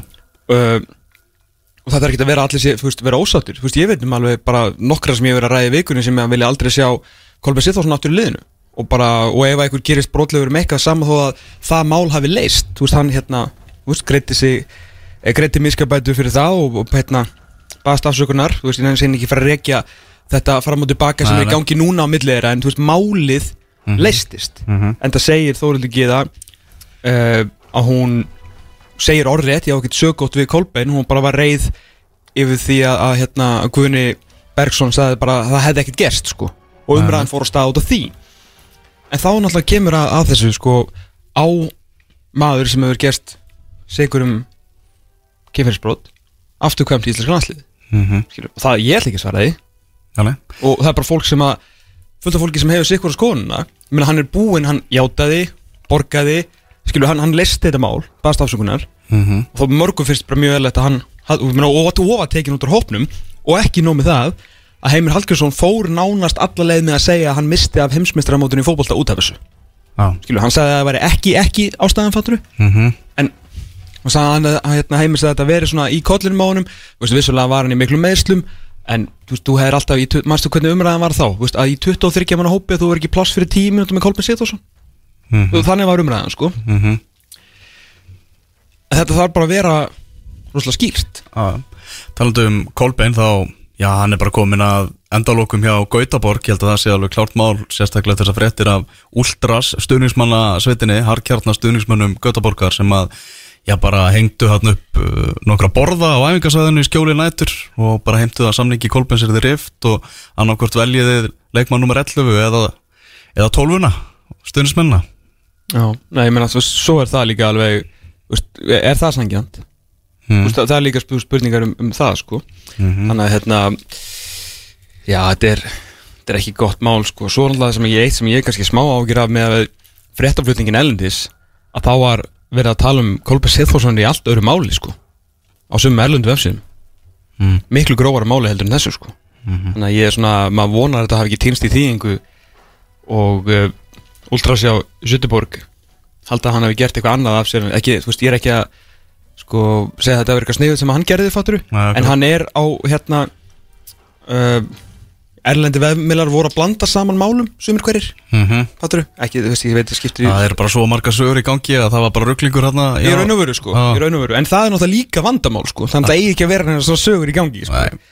Að, hérna, og um svona marga það er bara rosalegt sko. Það er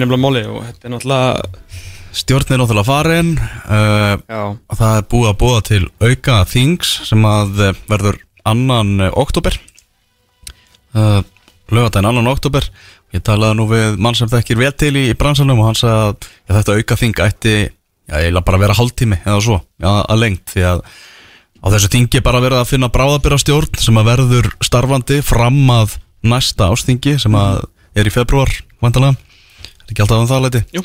Og hann þannig að það, og möguleik á því að það verði bara knastbyndirhefingin muni svona bak við tjöldin, bara einfallega að stilla upp bráðabyrrastjórninni og svo verður hún bara samþygt á þessum fundi að það er ekkit á svo auka ástingi, verður ekkit endilega kannski einhverjar hatramar kostningar eða það er líka eina viti núna með veit, fjórar vikur Mhm. bara komið ykkur saman um einhverja góða stjórn sem að græja þetta fram ástingi og þá náttúrulega getur líka fólk hérna fara að undirbúa kostningabaráttuna sínar. mm því að hérna þetta stjórnarfólki KSI, ég menna maður sér uh, alveg fullt af þessu fólki sækjast eftir því að komast aftur í stjórnina Mhm. að hérna þeirra, náttúrulega þeirra brot er að veit ekki neitt Mhm. skilur það er bara Við erum ekki upplýstir já, mál, málsvörn þeirra sem hafa verið núna í, í stjórn KSI uh, um ósangirnina yfir því að þeir hérna, þau hafi þurft að víkja málsvörn þeirra að þau vissu ekki neitt Mhm. ok uh, KSI skrifa samt yfirlýsinguna fræðu 17. ágúst þar sem hann talar um að þetta séu tóma dilgjur í þessum blessuðu þólendum ótrúlegasta setning sem ég hef séð í yfirlýsingu bara mögulega á mínum blagamannferðli ótrúlegt hvernig fólki dettur í huga að nota þetta orð dilgjur sko. Úst, þetta er, það er ekki einu svona vottur af auðmygt og engri baktryggingu þarna. Þetta er svo þetta er svo ótrúlega klöfulegt að það er eiginlega engur lagi líkt. Lagi, þau setja líka í súpunum með það og náttúrulega bara er farin nánast út af þessari setningu vil ég menna uh, Þeirra málsvöld, aftur þau vissi ekki neitt. Ok, og þau eru að sum hverju að kvartu því að hérna, skrítið að þau fá ekki að þá að sitja í stjórnkáðu sig því að þau hafðu ekki hérna já, þau vissi ekki hvað það gerst. Þá spyrir maður sig sko þegar þetta komin á borð og þessi yfirlýsing, meina var þessi yfirlýsing ekki borin undir stjórn? Eða? var þetta bara, þú veist, bara samskiptadeildin í samstarfi við Guðuna Góð spurning Einmitt, þannig að þú veist ef þú veist ekki neitt og ert í stjórn KSI hvað ertu að gera hann? Já. Til hvers ertu hann? Þetta er einmitt mjög góð spurning, bara hvað fylgir því að vera í stjórn KSI Það Veist, um hvað, hvað ákvarðin er átt að taka og, og allt það mm Þó, og þetta er náttúrulega líka að því að al- alveg eins og þetta er góð tími núna fyrir knarspunni sambandi til þess að- að finna sér þú veist, verkferla og reglur Mhm. um þessi stóru mál það er þessi líka tækifæri fyrir KSI bara til þess að líta inn á við og bara svona fá, ég vil bara fá okkur óháða rannsóknarskíslu á þetta er ekkert eðlilega stort apparat sem stýrir sko hundruði miljóna og sko tög þúsundir sem að heyra undir þetta samband með einum með öðrum hætti og þau hafa gert vel í því, minna, stærsta ídróttin á Íslandi og bara allt fínt og flott, svona meira og minna sko. þú veist það er rosalega mikið af góðum hlutum það eru gerði líka, Mhm. glemum því ekki sko. en síðan undir niðri er líka fullt af alls konar litlum skítamálum sem að þeim að tekið að klúrast með alveg ævintýralegum hætti sko. þannig ég myndi vilja fá bara einhvern sem að bara einhverja rannsóknarskíslu, bara sest niður með öllum sem að koma þessu, starfsfólki, formanni öllum stjórnamönnum, landstötufulltrúum bara allir þurfa bara að svara fyrir það hvað gerir þú vinnur Mhm. og ekkert, ekkert neikvægt nei. bara grínlega, bara spurja hvað gerðið þú? og hann kannski segir hann bara já, ég satt í stjórnin KSI í fjögur ár og ég mætti einu svona í mánuði, fekk mér kaffibotla og gerði ekkert Já, fekk þetta á sífið og já. Og ég meina að því að ég efast ekki um það að fólk er ekkert að fara í stjórn KSI nema á fullum heilindum að það vilji gera eitthvað fyrir íslenska knaspinu það, það er eina ástæðan fyrir mm. að færa það inn sko, Á að vera það í, allavega. í stjórnina. Er kannski annar mál með landslisnefnduna það er alltaf mikið svona party play sko. En þú veist hérna en, þú veist, og við, maður þekkir maður þekkir annarkort eða þekkir til nánast allra í þessari stjórn. Upp til hópa gott fólk skilur. og ég efast ekki um það að það vildi fara þenn til þess að gera eitthvað fyrir íslenska knarspinnu en ef þú ert ekki upplýstari og meðvitaður um hlutina heldur en þetta Mhm. þá verð ég að setja spurningimarki við bara hvað þú varst að gera Algjörlega, algjörlega. Það er bara þannig, er vantilega að þetta fólk lagt svona mismikið að, að mörgum og eins og gengur og gerist í þessu. Já, en fekk það tækifæri til að leggja eitthvað að mörgum spil Það er það sem ég er að segja. Góð spil Ástjórnin að vera minni, á þetta að vera launað Þú veist þannig að skilur fleiri fundir þannig að þú hafir eitthvað að gera þannig að það sé ekki bara að vera í stjórn KSI skilur, aftur, ég er ekkert að lasta þetta af því Nei, ég, ég, því bara- ég bara veit í raun og veru ekki hvað þau gera. Já, já og þau verðast ekki hafa þú veist, ef þú ert ekki upplýstur eða meðvitaður um hérna kynfyrir afbrót markahæsta leikmanns sögunar og það fyrir út einhver yfirlýsing sem að þú bara svona annarkvort veist ekki af eða kvittar undir, ég ætla að vona þau ekki þú veist, það er ennþá verra ef þau var að séð þetta og síðan bara kvitta undir. Að þau hugsaði ef þú stjórn kási og það er þessu yfirlýsingu myndur ekki spyrja ef þú vissir af henni skilur Mhm. ef þú varst meðvitur um við ætlum að senda út þessu yfirlýsingu þina myndur ekki segja betur af hverju erum við að gefa út þessu yfirlýsingu? Það var allan að mín fyrsta spurning. Já, já það er hérna að vera að saka svona baku tjöldinu landsleismennum um kynferðismisvelli, kynferðisbrott já, þá verður næsta spurning mín er eitthvað til því? Uh, nei, okkur finnst það ekki. Ok. En ég myndi þannig skilja halda áfram að spurja og ég myndi kannski gera eitthvað í því að rannsaka þetta Mm. tala við eitthvað fólk skilju að því að mér myndi finnast að það væri mitt hlutverk sem stjórnarmæður í KSI já, aftur, ég veit ekki hvort þau vissi af þessu og ég er eiginlega að vona að fyrir þeirra hönd nánast að þau vissi ekki af þessu því að hitt er verra sko. Mhm. þess vegna er bara spurningi mín hvað gerið þið? hvert er hlutverk stjórnarinnar og yfir höfuð færðu tækifæri til þess að gera eitthvað ert í stjórn KSI Mjög góð spurning Ég get ekki svarað þessu. Ekki, ekki, ekki heldur, ég var bara til í að fá svarið við þessu. Að betur. einn daginn langar mig í stjórn KSI Já, ég vil gera fullt af fínum hlutum fyrir fótboltan þegar ég er búinn að þú veist, hættur að gjamma hér og þú veist, hættur að tala og verið sjónarbaka, þá langar mig að fara í stjórn KSI og, og hafa ykkur áhrif á íþróttuna sem ég elska, skilju mhm, ekki bara mæta og fáið kaffi einu sinni í mánuði. Nei, nei, og þú veist, og, þá vil ég hafa eitthvað hlutverk þegar á endanum að ég reyna að fara inn hvað sé fá svo kostningu, ég búin að pyrra svo marga ég held að, veit það, það sáum til hvernig það fyrir Já, sjá hvernig það fyrir Birkir Sveinsson, uh, hann er orðin bara einræðisherra hann held ég í Starfandi framkvæmdastjóri? Hann er bara formaður og framkvæmdastjóri og mótastjóri og allir pakkin sko. Fyrirliði strófiskitt og sendir Hann er bara staðan. Er annað sem að eh, kom fram á þessum fundi Það er eh, Mikael Andersson. Hann er tæpur eftir að hafa fengið spark frá Kára á æfingu. Já. Kári glotti hann þegar að Arnóður við þess að myndist á þetta. Birki Bjarnason og Jóhann Berg Guðmundsson Þeir eru ennan á sér eftir leikin á fimmtudag og það er óvíst hvort þeir geti byrjað leikin á morgun. Já. Þannig að eh, það geti verið að við þurfum bara það sé bara ekkert annað val heldur en að vera að spila bara á kvolpasveitinni á morgun. Nei, sem er bara, er bara gaman fyrir að kannski vera með hérna besta miðveri sögu þjóðar og, hérna, í, í vörðinu mögulega? Já, hérna, en hjó líka eftir einu því að Bjarni Guðjónsson sem var hérna hjá okkur fyrir hluta þáttar eins að tala um það að hann sá fyrra markið á móti Rúmeni, hann, hann taldi að það hefði allavega minni líkur og það hefði litið dagsins ljós með Kára. Með Kára Átnarsson í hérna í vörðinni og það er óætt að taka undir það því að Kári Átnarsson er bara þetta svar hans þarna, hann var, að spyrja, hann var spurður út í svona ráleikingar til unguleikmannina mm. og þeir eru allir góður í fótbolta sko. Þeir eru búin að alast upp í hennu viðfrægu höllum. Þeir eru margir hverjir 17-18 ára gamlir samt sem áður búin að vera í aturum mennsku kannski í nokkur ár og eru svakalega góður í fótbolta. Og hvað sagði Kári? hvað var orðið? sem að hann notaði? Já, einbeiting einbytting já 90 mínútur fullur fókus Mhm. og það er basically það sem að Kári Átnarsson hefur búið til sinn fyrirlá Já. bara vilji skilur bara hungur, metnaður stolt fyrir verkefninu allt sem íslenska landslið þú veist, á að snúast um líka og við raun og veru öll fótballtalið Mhm. og svo einbinding sko. Mhm. að því við erum ekki nógu góður til þess að vera að skora 2-3 fjögumörkileik við erum 2-1 lið, við erum 1-0 lið og ef þú ætlar ekki að fá þið mark þá verður að vera með einbindingu í 90 mínútur og það er það sem að Kári Átnarsson er að reyna að predika til þess að stráka Mhm. í ljósið þess að við vorum kannski aðeins að lasta hérna Guðlaugut og Pálsson í fyrramarkinu og kannski og aðra í þessari vörð 5 sekundur af einbindingarleysi 1-0 og þú byrjar að elda leikin Mhm. þannig að Já, Kári Áttarsson flottur á, á, á fréttamannafundunum talaði með hann sem Andra Lúkas hann hefði komið vel inn í hópin og, og sé hóvær og flottur drengur drengur, annað en fadir hans.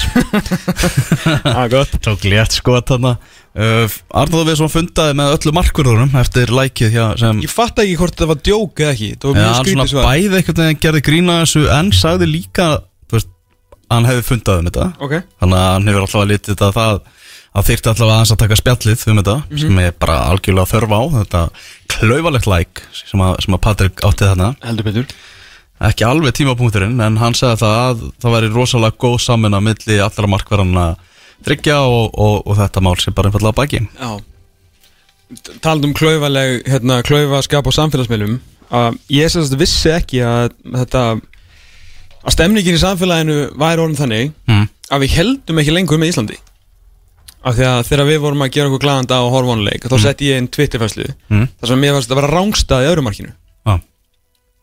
Herru það bara ég fyrir bara holskeflu neyðu mig. Það er bara vanalega sko að maður myndi henda ykkur svona inn að því mér fannst þetta rángstað, ég held ég að stoppa þetta á raungu stað á endanum sko. Herru þá bara eins og ég væri bara ég veit ekki hvað. Bara, var bara, þú veist, ég, var bara fólk bara, var bara reitt. Hvað var þetta? Hjælt fólki með Rúmeníu eða? ég, það virtist vera.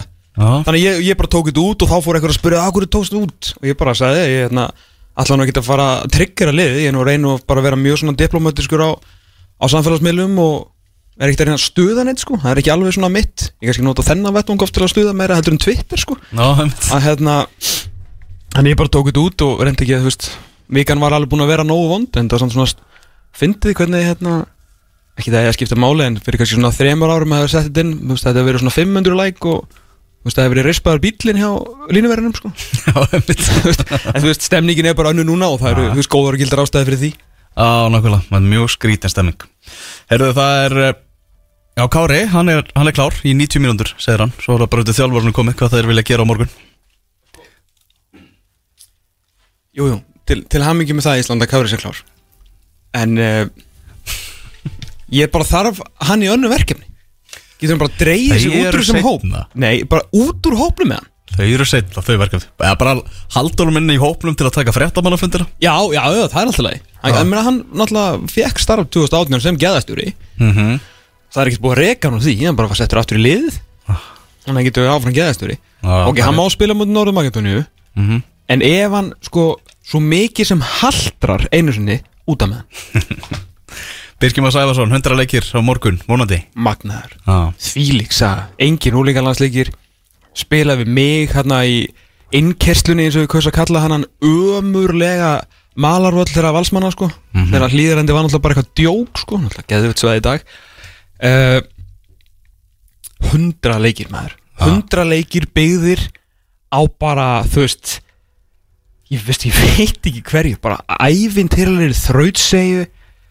þú veist, metnaði vilja eh, bara, þú veist, jákvæðni æðruleysi þú veist, auðmygt bara, þú veist fullkomin maður í hóp. Mhm. þú veist, bindu baka sína ekki hérna sömu nútum og samferðamærennir horfir á á ísokki af öllum íþróttum hlustar á þungarokk 15 barna faðir. Helsti stunningsmaður knaspinu fyrir þessi hlýðarenda strákarnir hans þar eru orðnir KH Ultras. Þú veist, félagsmaður þú veist, faðir magnaður. Ég spjallaði þessu um Birkjum á við Heimi Hallgrímsson Þegar ég heimsótti Heimi í Katar sko. Og, og Heimi sagði bara Ég held svo mikið með því að hann ái 100 leikjum Já. þessu gæi sko Já, þetta er bara óvæntustu hundraleikir bara mögulega bara í knaspinu sögunni líka svona með við byrjuna, því að þú veist, þetta Þegar er maður ekki farin að nálgast þá virtist þetta að vera svona hann var búið að íta honum út sko Mhm. og maður svona, ah, hann er ekkert að fara að ná upp í 100 Nei. og varum bara svona svolítið langt frá þegar hann var svona fyrst tekin út sko. mm -hmm. að það er alveg erfitt að ná tíu landsleikjum í fótbolta skilur, það er Mjög alveg, erfitt. það er nefnilega þú ert svolítið langarlega frá henn síðan að þú er Birkjum að sæfa svona og ef ég myndi lít út gluggar þetta núna Já, þá er mjög mikla líkur að hann sé eitthvað staðar hérna, þú veist, að koma með nýjan afruglara eða eitthvað, þú veist, þú veist, gera eitthvað skottast eitthvað fyrir stepp og ná í kaffi eða eitthvað skilur. eitthvað svona ótrúlega venjulegt eitthvað Ó, venjulegt, skilur, hann er bara einn af okkur sko. mér líður þegar Birkjum að sæfa svona veist, ég, mér finnst svolítið eins og ég hefði stoppað Angel Di Maria það er bara svona einn af okkur sko. Það er eiginlega þannig sko Herra leikurinn á morgun verður klukkan 16 Ég held að það sé bara alveg, alveg rétt hjá mér. Ég sé að fjölmiðlar einhverja hendunum á 18.45 og eitthvað. Mm. En við treystum bara KSI, það sé 16 já, tristum við KSI er heimasíðun þeirra. Já, gera það, Já, fíns, fíns sem ég Birgir Sveinsson sér um. Eins og allt annað niður frá núna. Herra, það er bara þannig. Eh, tökum okkur smá hlið svo ætlum að kíkja á lengjudeildina og jafnvel eitthvað neðar í eh, íslenska boltanum Held ég eh, rættum aðeins eh, við Bjarni Guðjónsson mundi 21 ás landslið þarna áðan, þeir eru í flugvél bara núna á leiðinni heim eftir að leika móti Hvítarúslandi, þeir sóttu þrjú stegi í fyrsta leik og virkilega öflug framistæða hjá þeim. Voru flottir í svona leik, sérstaklega í fyrirháleiknum það sem hefur skoruði bæði mörkin náttúrulega í já þá í setni háleik þá svona fór aðeins að, að kom mark á silfurfati markmannsmistök og, og það svona góp smá hættu en á heildina litið var bara íslensk liðið svo miklu betra í, í þessum leik. Já, það stóð þessi virkilega vel og það er líka bara fint fyrir eh, Davís Norra að fá svona að eh, fara að undirbúa lið fattur við, svona að fara að setja það saman því að hann fekk náttúrulega heila tvær æfingar og svo beint á stormót Já, einmitt. Þegar Og þetta er náttúrulega, þetta er liðið hans Þetta er liðið hans, já. Hitt var náttúrulega liðið sem Arnar og Eiður raun og veru komu á, ekki raun og veru, komu á Mhm. um, í loka kefni Europamótsins og síðan var Davís Norri sem þurfti að að stýra því þar, eða fekk þann heiður að stýra því þar eftir að þeir Mhm. eru aðlandslistjálfar en núna getur hann móta þetta svona eftir, eftir sínu höfðu og fekk nú alveg tölvöru gaggrinni liðið og, og Daví líka uh, fyrir uh, framistu Íslands á, á EM og hvað við vorum veginn langt á eftir öllu þar en hann er gott líka bara fyrir hann og fyrir liðið að byrja vel og alltaf gott að fara austu fyrir fjall og, og vinna Já, heldur betur og bara skemmtilegt lið og, Já, mikið skemmtilegun leikmönum Já, nokkulega Og líka ánæða með hann að henda bara, þú veist Kristján Nökkva bara í tíuna og, í startið sko. Já, bara þú veist nógu góður eftir nógu gamall sko Já, nokkulega, það er var ekkert verið að velja bara 11 elstu þeir byrja og, og svo koma einhverjar á bekknum sko. Nei. Þannig að þetta var og þá sko vantaði, ég veit ekki hvort við meðum nota það orða hérna náttúrulega að besti sendirinn leiklega var í alansliðinu, þú veist, það er náttúrulega Mhm. undir svona eðlilegri kringum stæðum hefði Andri Lukas Guðjónsson líklega þú veist, startað hann upp á topp og hafa náttúrulega verið liðið ekkit síðra sko Nei. Leikur á uh, þriðju daginn, eins og það segir, heimaleikur á móti, móti Gríkjum uh, Pepsi Max deltiðin, hún fer aftur á stað núna á lögadaginn eftir viku Mhm. og þar á meðal er leikur á lögadagskvöldi klukkan 8 á Kópa og Svelli Breiðablík Valur. Breiðablík Valur Já. síðasti sjans fyrir valsmenn Já, stóra prófi fyrir blikana Stóra prófi vinna fyrir leik, eða vinna þennan leik þá er þeir, já, ná, fyrir ekki að þeir ná í í þessum leik, þá er þeir Íslandsmeistarar Víkingur Háká verður klukkan 5 hana, um, fyrir um daginn þannig að þetta, þetta er rosaleg rosaleg uh, að loka barátta sem er framöndan í Pepsi Max deltinni Er eitthvað leikur spilaðar á lögadaginn 11. klukkan 3? Nei, klukkan 2 Já, Hvaða leikur það? herru klukkan 2 er K.A. Fylgir Já, Keflavík K.R. Mhm. og Ía Leiknir. Já. Það verða ekki margir á þessum leiknum getið settir Nei. Þú veist hvað gerir klukkan 2 lögadaginn 11. september. Cristiano Ronaldo. Yes sir. Ah, Cristiano Ronaldo mættur aftur. Já, kannski margir sem vilja horfa á það. Já, get, getur verið. Já, það er alveg gó, góða líkur á því. Já. Er það í lengjudeildinni Þar er IPVF búið að spila tvo leiki síðan að útastáttunin fótbolti.net var á dagskrá síðast. Þeir eru komnir úr sótkví og einangrun og, og náðu í þessari viku að krækja sér í 6 stig. Byrjuðu á því að vinna þósarana á Akureyri á þriðudaginn 1-0 þar sem að Breki Ómarsson skoraði sigumarkið en vel rángstæður með að við myndir á, á samfélagsmiðlum sem að fóru hérna á Ég ætla ekki að tjá mig um myndir á samfélagsmiðlum af rángstöðum Nei, þú erum búin að Ég gera er nóg af því. óhæ, óhæfur Já, en uh, En, ekki en, en ekki- ég sá ekki- myndina Rosalega rángstæður já, og það var ekki káamaður á línni Nei, Nei. Við tökum, tökum það fram En þósar er náttúrulega bara hættir að skora mark Þeir eru ekki, ekki skorað sem 23. júli á ammælistæði minn sko. Já, þetta er líka ekki dælilega margir leikir sko. Já. Þetta er hérna Djöfull fórið í skrúuna og það hratt hjá Þórsörun Já, Mér finnst eins og bara í gæra ég að hérna Rósaðum fyrir, veist, ég náði þarna góðum úrslitum og svo fór hérna Orri hérna grenni við dómurunum og því. Mm Og það bara allt í, bara í raskat sko. Já, fyrst eftir að Montejo einmitt fór Það var svona að þeir ná ekkert að fylla hans skarð og eitthvað. Og þá bara voru þeir helviti flottir. Maður bara, "Ah, ok, þetta er bara gott svar hjá liðinu. Mhm. En svo bara, wow Fílingur, umsnúningur og því að drap að því- trót bara, sko. Að ég er svona, að því ég get ekki að tekið kredit fyrir það, að því að þegar ég sagði í byrjun móts þá fannst mér ekkit ólegri sérstaklega eins og það fór á stað. Ítti undir það sem ég sagði fyrir mót að ég sagði þá alveg vera í þú veist, mjög neðarlega en ég átti, ég var aldrei að sjá hennar fallbaráttu því að þú veist, mér fannst bara Selfoss og Þróttur og, og Vingar Rólusvík svo slög sko þannig að ég, en ég samt var alveg að sjá þá þú veist í átta og neðar. Svo fóru hans í gang og ég er svona, herru, ok, ég er bara vel gert þórsarar og vel gert orri. Bara, ég er bara að geta þetta ofinni mig og bara þeir eru bara góðir. Nei, herruðu, svo bara, en nú get ég þú veist, ég get ekki fara aftur tilbaka fattarðu, og fara eitthvað að reykja mig fyrir þetta. Herruðu, 2-0 tap móti fram 2-0 tap móti afturlendingu 4-0 tap fyrir vestræði byggarnum 2-0 tap fyrir Víkingi Ólafsvík. Magnað. Magnað. Uh, 0-0 tap fyrir fjölni og núna 0-1 tap fyrir uh, IBV Þeir hafa ekki skorað fótbollamark í uh, sjö leikjum í röð í byggar Fengur náttúrulega bara eitt stig á móti Vikingi Ólasvík í sumar sko, sem er verið gútið fyrir sig. Sem er afreikvota fyrir sig. En í, í IBVF Fjögur eitt sigur hjá þeim í gerð á Selfossi. Eftir að þeir lendu undir þá fóru þeir bara að spýta í lóana. Breki Ómarsson, hann er með mikið sjálfströst um þessa myndir hann, Mhm. hann skoraði uh, Samorano, hann var með mark Gauji Lýðs var með mark, Telmo var með mark og allt líki í lindi Já, það er bara hérna Það þýðir aldrei að vera Við getum náttúrulega bara kallað og gaggrind og hrósað því sem við sjáum sko. Þú veist, Við erum ekki með kristalskúlu. Mm. Og ég veit ekki hvort að menn voru orðin eitthvað, og eitthvað perraðar í vestmenni Mér enga trúið með fyrra og mér varst þetta ekki fara, fannst mér þetta fór ekki vel á staði voru með eitt stig eftir einhverja fyrst, fyrst ráleikin eða eitthvað. Uh, Nei, núlstig þetta fyrstu tvo alltaf þessi Þetta er náttúrulega töpuð fyrir Grindavík sem áttu náttúrulega að vera liðið sem var að berjast við á Töpuðu svo fyrir framfrika samfærðin fóru síðan á skrið og hafa náttúrulega nánast bara unnið allt síðan þá. Að komanda kapli töpuðu 1-0 fyrir gróttu heima og gerir eitt jættöflu fram sem var svo sem alveg bara ágættis úslit svona svolítið mikilvægt fyrir að, að, hérna, að tap ekki fyrir fram þar. En síðustu leikir, ég meina þú veist, þeir eru búin að vinna sex leikir röð. Fóru í sótkví, komum tilbaka tveir leikir á skömmun tíma, maður veit ekki hvað þeir voru að æfa mikið og það er bara, þú veist, það verður ég veit, ég tók líka smá sirpu innan fyrir tveim veikum eitthvað þegar ég var rósaðum en við veitum bara að gera það aftur. Þú veist, þeir eiga það bara skilið. Mhm. uh, við settum hérna, helga minn bara undir, undir mikla pressu og vorum bara komin byrjar að bakka yfir hann en þeir einhvern veginn bara svona komið sér út úr þessu, saman. Bara náttúrulega var hjúts að fá gauja lýs ég mun aldrei, veist, fara neitt ofan á því að það var, veist, ég held að það sé senningið þú alltaf svindkall í vörninni, ég veit það. En svo er það líka strákur eins og Breki Ómarsson bara, veist, stígið upp, náttúrulega Sító bara aldrei verið betri, algjörlega frábær.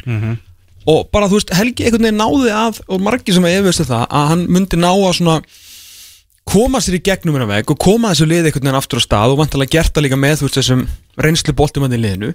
Og bara kútos, bara vel gert og bara virðast, virðast vera klálega lang næst bestir sko. Það er bara þannig. Vel gert ég á þeim uh, Kortrengir Já, að þau ekki að rosa afturhendingu Jó, rosa afturhendingu Þarna gerðu 22 jafnteflu mótið vestra í stórskemmtilegu þetta var eitt besta bara jafntefli sem ég hef séð. Afturhendingum magnaði sko. Algjörlega magnaði Frábæran þjálfara og frábæran leikmenn Pétur Bjarnason skoraði þarna fyrir vestra Sá er búin að skora eftir að hafa verið bara gemdur á bekknum í upphæðu mót sem, að, sem er bara ekki svo óskiljalegt og það er hannu saga. Mm. uh, Kortrengir unnu Viking Ólasvík 4-0 uh, Það var ekki Það var ekki skemmtilegu leikur. Ég fór á hann. Já. Þetta var bara gönguför í garðinum 1-0 eftir 7 mínútur 2-0 eftir 16 mínútur og þá held maður að þetta er bara veist 10-0 eða eitthvað. Já. endaði aldrei í því en 4-0 bara, þeir tók þetta Gortlingir ekkert sérstakir í þessum leik þannig að séð, þetta er bara Viking Rólasík bara búið að pakka, pakka niður. Það er bara önnur til á næsta ári hjá þeim og, og, og, og já, bara Gauði Þórðar er bara í undirbúlinstímabil núna fyrir, fyrir það tímabil Já, já, algjörlega, en samt gott að þeir viti hvert er alltaf að fara. Að Gauji verður bara áfram og næri þá var að setja saman eitthvað lið til þess að reyna bara endurstilla, alveg svo kom fyrir Ólafsvík á sínum tíma, þeir voru Já. aldrei betri en þeir fóru niður. Nú er það bara, þú veist, leikmannuna sína hver er alltaf að vera með í verkefninu á næsta ári sko. Þeir fóru niður og þá urðu til strákar eins og Brynja Gauti, Brynja Krispunds Þorstedt Már þú veist, hinga komu hérna hverju voru hérna erlendu leikmenn, Edin Bestlía ég manni hvort að hann hafi komið í annara deildina og þú veist, fundu alla þessar flottu erlendu leikmenn og Gauji með fín sambund þannig að þetta verður bara ágætt fyrir þá sko, þetta er sjokk fyrir lið sem er náttúrulega búin að vera, hvað voru, þrjár leiktíðir á síðustu pff, sjö eða eitthvað, þú veist, í efstu deild Mhm. þannig að auðvitað er þetta hátt fall maður ber alveg verðingu fyrir því að fólk var búið að fá svona smá smakka af efstu deild og var orðið nokkuð stabíl lið í næsta efstu deild þannig að er, þetta er ekki svo þróttur sem að kannski bara nánast komin tíma á myndi falla sko. mm Mhm. þetta er alveg bara bratt og vond fall niður hérna brekkuna hjá þetta er Mhm. miklu verra fall heldur en hjá heldur hjá þrótti sko Mhm. En þeir ná bara þú veist, að stilla saman strengi sko. Er svo fyndið að tala um þetta þú veist, kórdrengi þú veist, stopnaðir þú veist, 2015 eða eitthvað þú veist, sé bara með 30 þau eru með, sko, með 32 stigum meira og vinna lið eins og Ólafsvík bara svona með vinstri Mhm. bara hvað fótboltunum þú veist, Já, og þeir eru bara drullu svektir að, að verist er að þessi að missa missa tækifærun að fara upp um deild halda ennþá svona í hálmstráið Já, ég beða að fá náttúrulega ennþá leikti góða sko, Já. það er svo lítið eftir á mótinu Já, já, það þarf allt að ganga upp hjá kórdrengjum í lokin sko. En þeir náttúrulega geta verið meira en lítið stoltur af þessu tímabili sínu nú þegar sko, þeir eru alltaf að fara þú veist, þeir eru að þrjá leiki eftir og þeir eru 100% að fara að rjúfa 40 stiga múrin Mhm. og sem er náttúrulega bara æfintirlega vel gert hjá þeim og vonandi bara að halda þær áfram á, á þessari veffer sko eitthvað segir mér að þeir munum jafnvel bara taka upp herlúðurinn og bara sko fredi hann hátt ég veitur sko. Með þeirra menn eru búin að fá smakki að þessu sko. ah, Þeir eru að fara að gefa móti fjölnismönnum núna klukkan 2 og á sama tíma Grindavík á móti fram. Uh, Náttúrulega þjálfara fréttir úr deildinni. Uh, Slúður um það á sig Arna að fara að taka kvennaliði breyðabliks og yfirkjöfu þá fjölni. Já. Uh, Svo er það Grindvíkingart Opinberuðu það að Sigurbjörn Reyðarsson hann er að renna út á samning og, og hann verður ekki áfram. Nei, á, ekki á vant og Ágúst Gilvarsson hann hættir hjá gróttu. Já, þrjú ansi hérna, ansi stór gig. Já. Þetta eru bara mjög stabíl næst eftir dildalið sem að öll hafa bara á síðustu nokkurum árum verið í efstu deild. Mhm. gott starf á öllum þessum stöðum mm -hmm. mismöndi starðu þetta og fjölinn alltaf með rosa stóra yngri flokka og allt það en hérna svona möguleika fyrir hendi og sérstaklega hjá Grindavík og, og fjölni, maður veit ekki, að svona gróta kannski þarf aðeins að vantilega bara staðnamast sem stabilt lengjadöldalið í byli held að það sé svona meira þeirra svona framtíða músingin hjá þeim en á meðan að fjölnir og Grindavík eru náttúrulega bara ansið vöndi að vera í efstu deild og lið sem að sækjast eftir því að vinna lengjadöldina á hverju ári sem þau eru, eru í henni. Þannig að en, en gróta fjölnir og hérna Grindavík, þetta eru þetta eru mjög flott störf fá en það sjáum við mennir sem eru að fara, ég meina Bjössi Reyðars er náttúrulega bara knassbytum maður og bara svona knassbyt, fígúra í knassbytum heiminum á Íslandi sko, sem að þú veist er að fara þar og síðan náttúrulega tveir mjög svona fregi áfarsalir þjálfarar í, í hérna Gustaf Púst og Ása Arnar sem er að fara á hinnustörum þannig að þetta er búin að vera alveg kallar í þessum, í þessum gigum. Mhm. og það er mjög fróld að sjá hvað þessi lið að gera. Þú veist, ef verið að fara í gamla góða nafnið þú veist, eru að fá hérna þú veist, færi ykkur á nýja skólunum tækifæri, þú veist bara, þú veist, hvað verður? Já, Alfred Elias Grindavík er, er hávarsaga mm Mhm. -hmm. sem sem fullur að það sé bara frá gengið. Ok. Þannig að það er, svo er spurning með fleiri liði þessar deild, ég menna Jón Þór Hauksson svamdi bara við vestra út tímabilið. Rétt. Þannig að spurning hvað hva gerist þar. Spurning hvað ja, þó sarandi hljóta allavega að skoða sín mál. Ég held að það sé alveg klárt mál. Já, verður Rúna Páll áfram með Vilki ef að Herri, já, við förum aðeins í, í Pepsi Max tíðitin Mm. Þannig að Rúna Páll mætti. Þetta bara það sem við töluðum um í engkastinu á, í vikunni, það bara fór á stað atbyrður rás og það rættist allt saman. Það var bara þannig. Fylkismæðan Ég skipti ætla ekki að taka nábyrði ef hann tapar allur leikjónu sko. Ég, Nei, nei, nei. Ég, ég bara mynd svona að ég heyrti að hann í góður kemdi mótivitur Já, þetta er rosalega erfitt program sem að fylgir á eftir en ég talaði við uh, Rúna Pál í vikunni og hann var, hann var ævintýrlega hress brattur og ánæði með að vera komin aftur í boltan og bara, bara þetta væri ótrúlega spennandi verkefni. Krefjandi en spennandi. Já, stór klúbbur með kekkjaðan völl og hérna verið með alveg mikið að leikmönnum í gegnum tíðina og svona alltaf verið mikill metnaðar þarna, þannig að það verður þegar ég fóru niður síðast fyrir nokkur árum þá alltaf flugur upp aftur og þetta með alltaf mjög gott lengi til að liða þá og var ákveðið afreg eh, mjög samstilt afreg hjá eh, hérna, fylgisliðin á þeim tíma að koma sér niður um deild sko og gerði það bara nokkuð vel. Og bara þannig að eh, svo alltaf líka þróttur. Meina verður hérna, verður þjálfarinn áfram þar í annar dildinni það er spurning. Það aldrei þrótt í annar dildinni Þróttur vógum, bara vanta bara staðfest við hann. Þeir eru bara hér um bil komnir upp. Mm. Þannig að við óskum þeim að sjálfsög Til að hafa mikið með það. Algjörlega, þú kannan að fá heimar heiðast líka upp í eina einni dild ofar sko. Þannig að hérna Já, og fleiri viðtölu við hann og svona eftir leiki og það er náttúrulega ekki já það verður ekki, ekki verra fyrir markasmenn lengjudeldarinnar allavega. Ja, við munum þetta heita lengjudeldarinn áfram með það Já, ég hef ekki hugmynd. Það er svo mikið að gera hjá ITF og KFC núna. Ég veit ekki hvort þið bara heldur við förum örgulega í hérna tvískiptudildina Já, það ekki. Það hlýtur að vera Það hlýtur að hlýtur að vera. En við ætlum að fara enn neðar. Við ætlum að fara allavega í fjórðu deildina Því þar er úsletakefni í gangi Og til að ræða örstuðt um fjórðu deildina Er að sjálfsögðu Magnús Valur Böðvarsson Maggi Bö er á línunni Sæll og blessaði Maggi Já, blessaður. Herru, við, þetta er bara ráðaska á þriðudaginn Hvaða lið fara upp úr fjórðu deildinni? Já, þetta er alltaf jafn skemmtilegt. Mm. Það er leikindi sem eru Við erum, að- við erum að tala um Kormákur Kvöt á Blöndósvelli að fara að keppa móti Hamri frá Hveragerði og Vangir Júpites uh, er að fara að keppa móti KH og fyrirleikinir eru búnir fóru fram í gerkvöldi og endur báðir 1-1 þannig að það verður alvöru spenna, alvöru game á, á þriðudaginn Ég, ég, algjörlega, ég held að, al, að þetta hafa aldrei verið jafn spennandi, bara öll úsleitkeppnin. Uh, en þetta er fyrsta sinn til dæmis með áttalega úsleitin að það var engin leikur bara búinn eftir fyrir, fyrirleikin. ah. Og ég man ekki eftir að það hafi, hafi gerst áður. Og leikinu voru að vinnast tæft og sama með báðu leikinu var 1-1 í gær mm og þar sem að uh, komu jöfnunumörk í uppbútt tíma í báðum leikjunum sko. Eru, eru útivallamörk með í þessu eða er búið að slaufa því eins og í Evrópu eða? Það er því miður ennþá útivalla mörkin en það er samt ákveð skilju uh, það er svona ákveð svona gaman að því samt líka en það er ekki búið að slaufa en núna af því að tímabili okkar var byrjað áður en að útivallamarkan reglan var breytt í Evrópu þannig að það mun væntalega ekki taka gildi fyrir, á Íslandi fyrir næsta ári þannig að þetta er örgulega svona seinasta móti sem að að á Íslandi sem að verður áfram með þessa útivallamark uh, reglur sko. Ah. E- Eru, eru fjögur bestu liðin eftir maður eða? Er eitthvað, var eitthvað lið eftir í áttalúslunum sem menn voru sjokkir að fara ekki áfram? og bara mér fannst í raun og veru svona sex af leonum áttar sem að voru klárlega best og já, uh, hann, en þetta er allt búið að vera svona nokkuð jafn.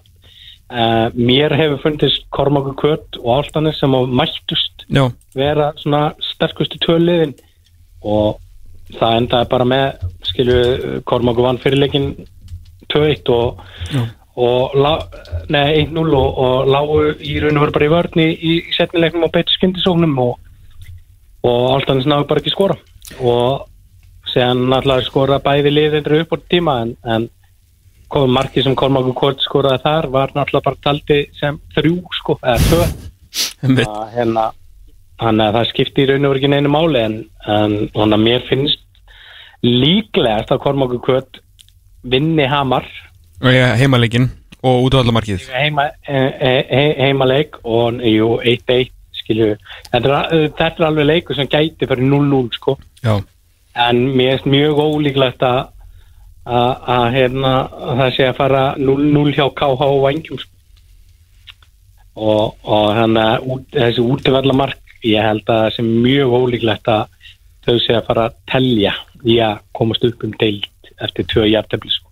hvernig, hérna, hver spila á enginir? Er þetta, veist, er þetta ekki svona leðilega völlu til þess að fara í svona stóra leik með það? Það hafa verið að spila hana fyrir utan já, og bara allavega með við erum núna það gæti alveg orðið alveg rók og, og kvast og svona sko en, en það var líka alveg hann mjög, mjög kvast til dæmis bæði þegar að Hamar og Kormáku Kurt spilu fyrir heimileginu sína í hveragerði og, og, og blöndósi í áttaljóðslunum sko mhm þannig að hver er að fara áfram þar? Bara... Vanginir eða, eða hlýjarendi? Herru, þetta er svo mikið 50-50 innví bæði liðir er að spila bara nútíma bolta, er possession bolta með að við Hamar og Kormok Kött sem er í hinn innvíðin er svona ekki alveg komin í, í dag og eru svona meira í svona aðeins gamaldags hörkuboltanum sko. Mhm. Þannig að það er já, vangjum og, og káha og það er rosalega mikið 50-50 innví og getur ráðist á, á dagsformi og hefni og veðri sko. Já, ummitt, ummitt þannig að ég það er mjög erfitt að spá í það. Nákvæmlega. Þessi leikir á, á þriðudaginn Það er, er alltaf, er alltaf viss svona sjarmi yfir þessari úrslutakefni í, í fjóruðliðinni Algjörlega, það er rosalega hérna, uh, mikil sjarmi yfir, yfir þessu og, og uh, þá leiki sem ég mætti til dæmis á að það var bara hrikalega góð mæting. Það voru öll svona 400 manns á báðum hennileikum sem ég mætti. Þar að segja ég mætti á, á Ímir og, og KH og svo áltanis Korma Kvött og hérna bara það er alltaf góð mæting á þessa leiki Ekki spurning, við bara segjum bara áfram KH og hérna vonum að, að þeir fari áfram. Takk fyrir spilum, Egvin. Er, Takk fyrir það. Ah, bye. Bye bye. Já, Þetta var eh, Maggi Böba að kíkja á, á fjórðu deildina. Tókum aðeins svona smá hérna rispu yfir það hvað, hvernig eh, málin standa í Íslandsmótunni í fótbolta hérna í lok þáttarins. Já, voru búin að horfa afturlendingu eða? Já, frúsum afturlendingu hérna í lokin. Ríkalega gott starf sem þeir að vinna Já, ótrúlega gott. Þannig að eh, landslið, það tók náttúrulega stærstan eh, part af, af eh, þessum þætti. Fengum eh, Bjarnar Guðjónsson hérna til að ræða um eh, málin innanvallar Það er bara þannig. Tókum síðan fréttamannafundin Í útvarpöðum honum í betni útsendingu og rættum hans síðan í kjölfarið og einnig um málefni utanvallar Ég held að Rapp Markus Vilbergsson stefna á að mæta hérna næsta lögadag og Já. tökum smá lengjudeldar rispu Það er að segja ef hann verður ekki komin í eitthvað annað starf Það er eitthvað Já, það hlýtur að segja sér sjálft að hann er að fara að taka eitthvað þessum störum í lengjadöldinni Já, en það var að tala um sko uh, var orðan við aðstofþjálfara starfið hjá, hjá fylki. Já, ok. Og það er náttúrulega káa fylki fyrir tvö á lögadaginn þannig að Hann er vandilega mættu með helvitis fellihýstir bara norður eða ekki? Ég veit það ekki, það er spurning hvort, að, hvort hann stökku á þetta eða hvort það verði hérna næsta lögadag Já, það verður allan að gaman að sjá og það verður stærsta spurningin hvort að Rapp Markus Vilbergsson verði hérna með okkur eftir 6 dag og 22 tíma. Þannig til, verðið sæl.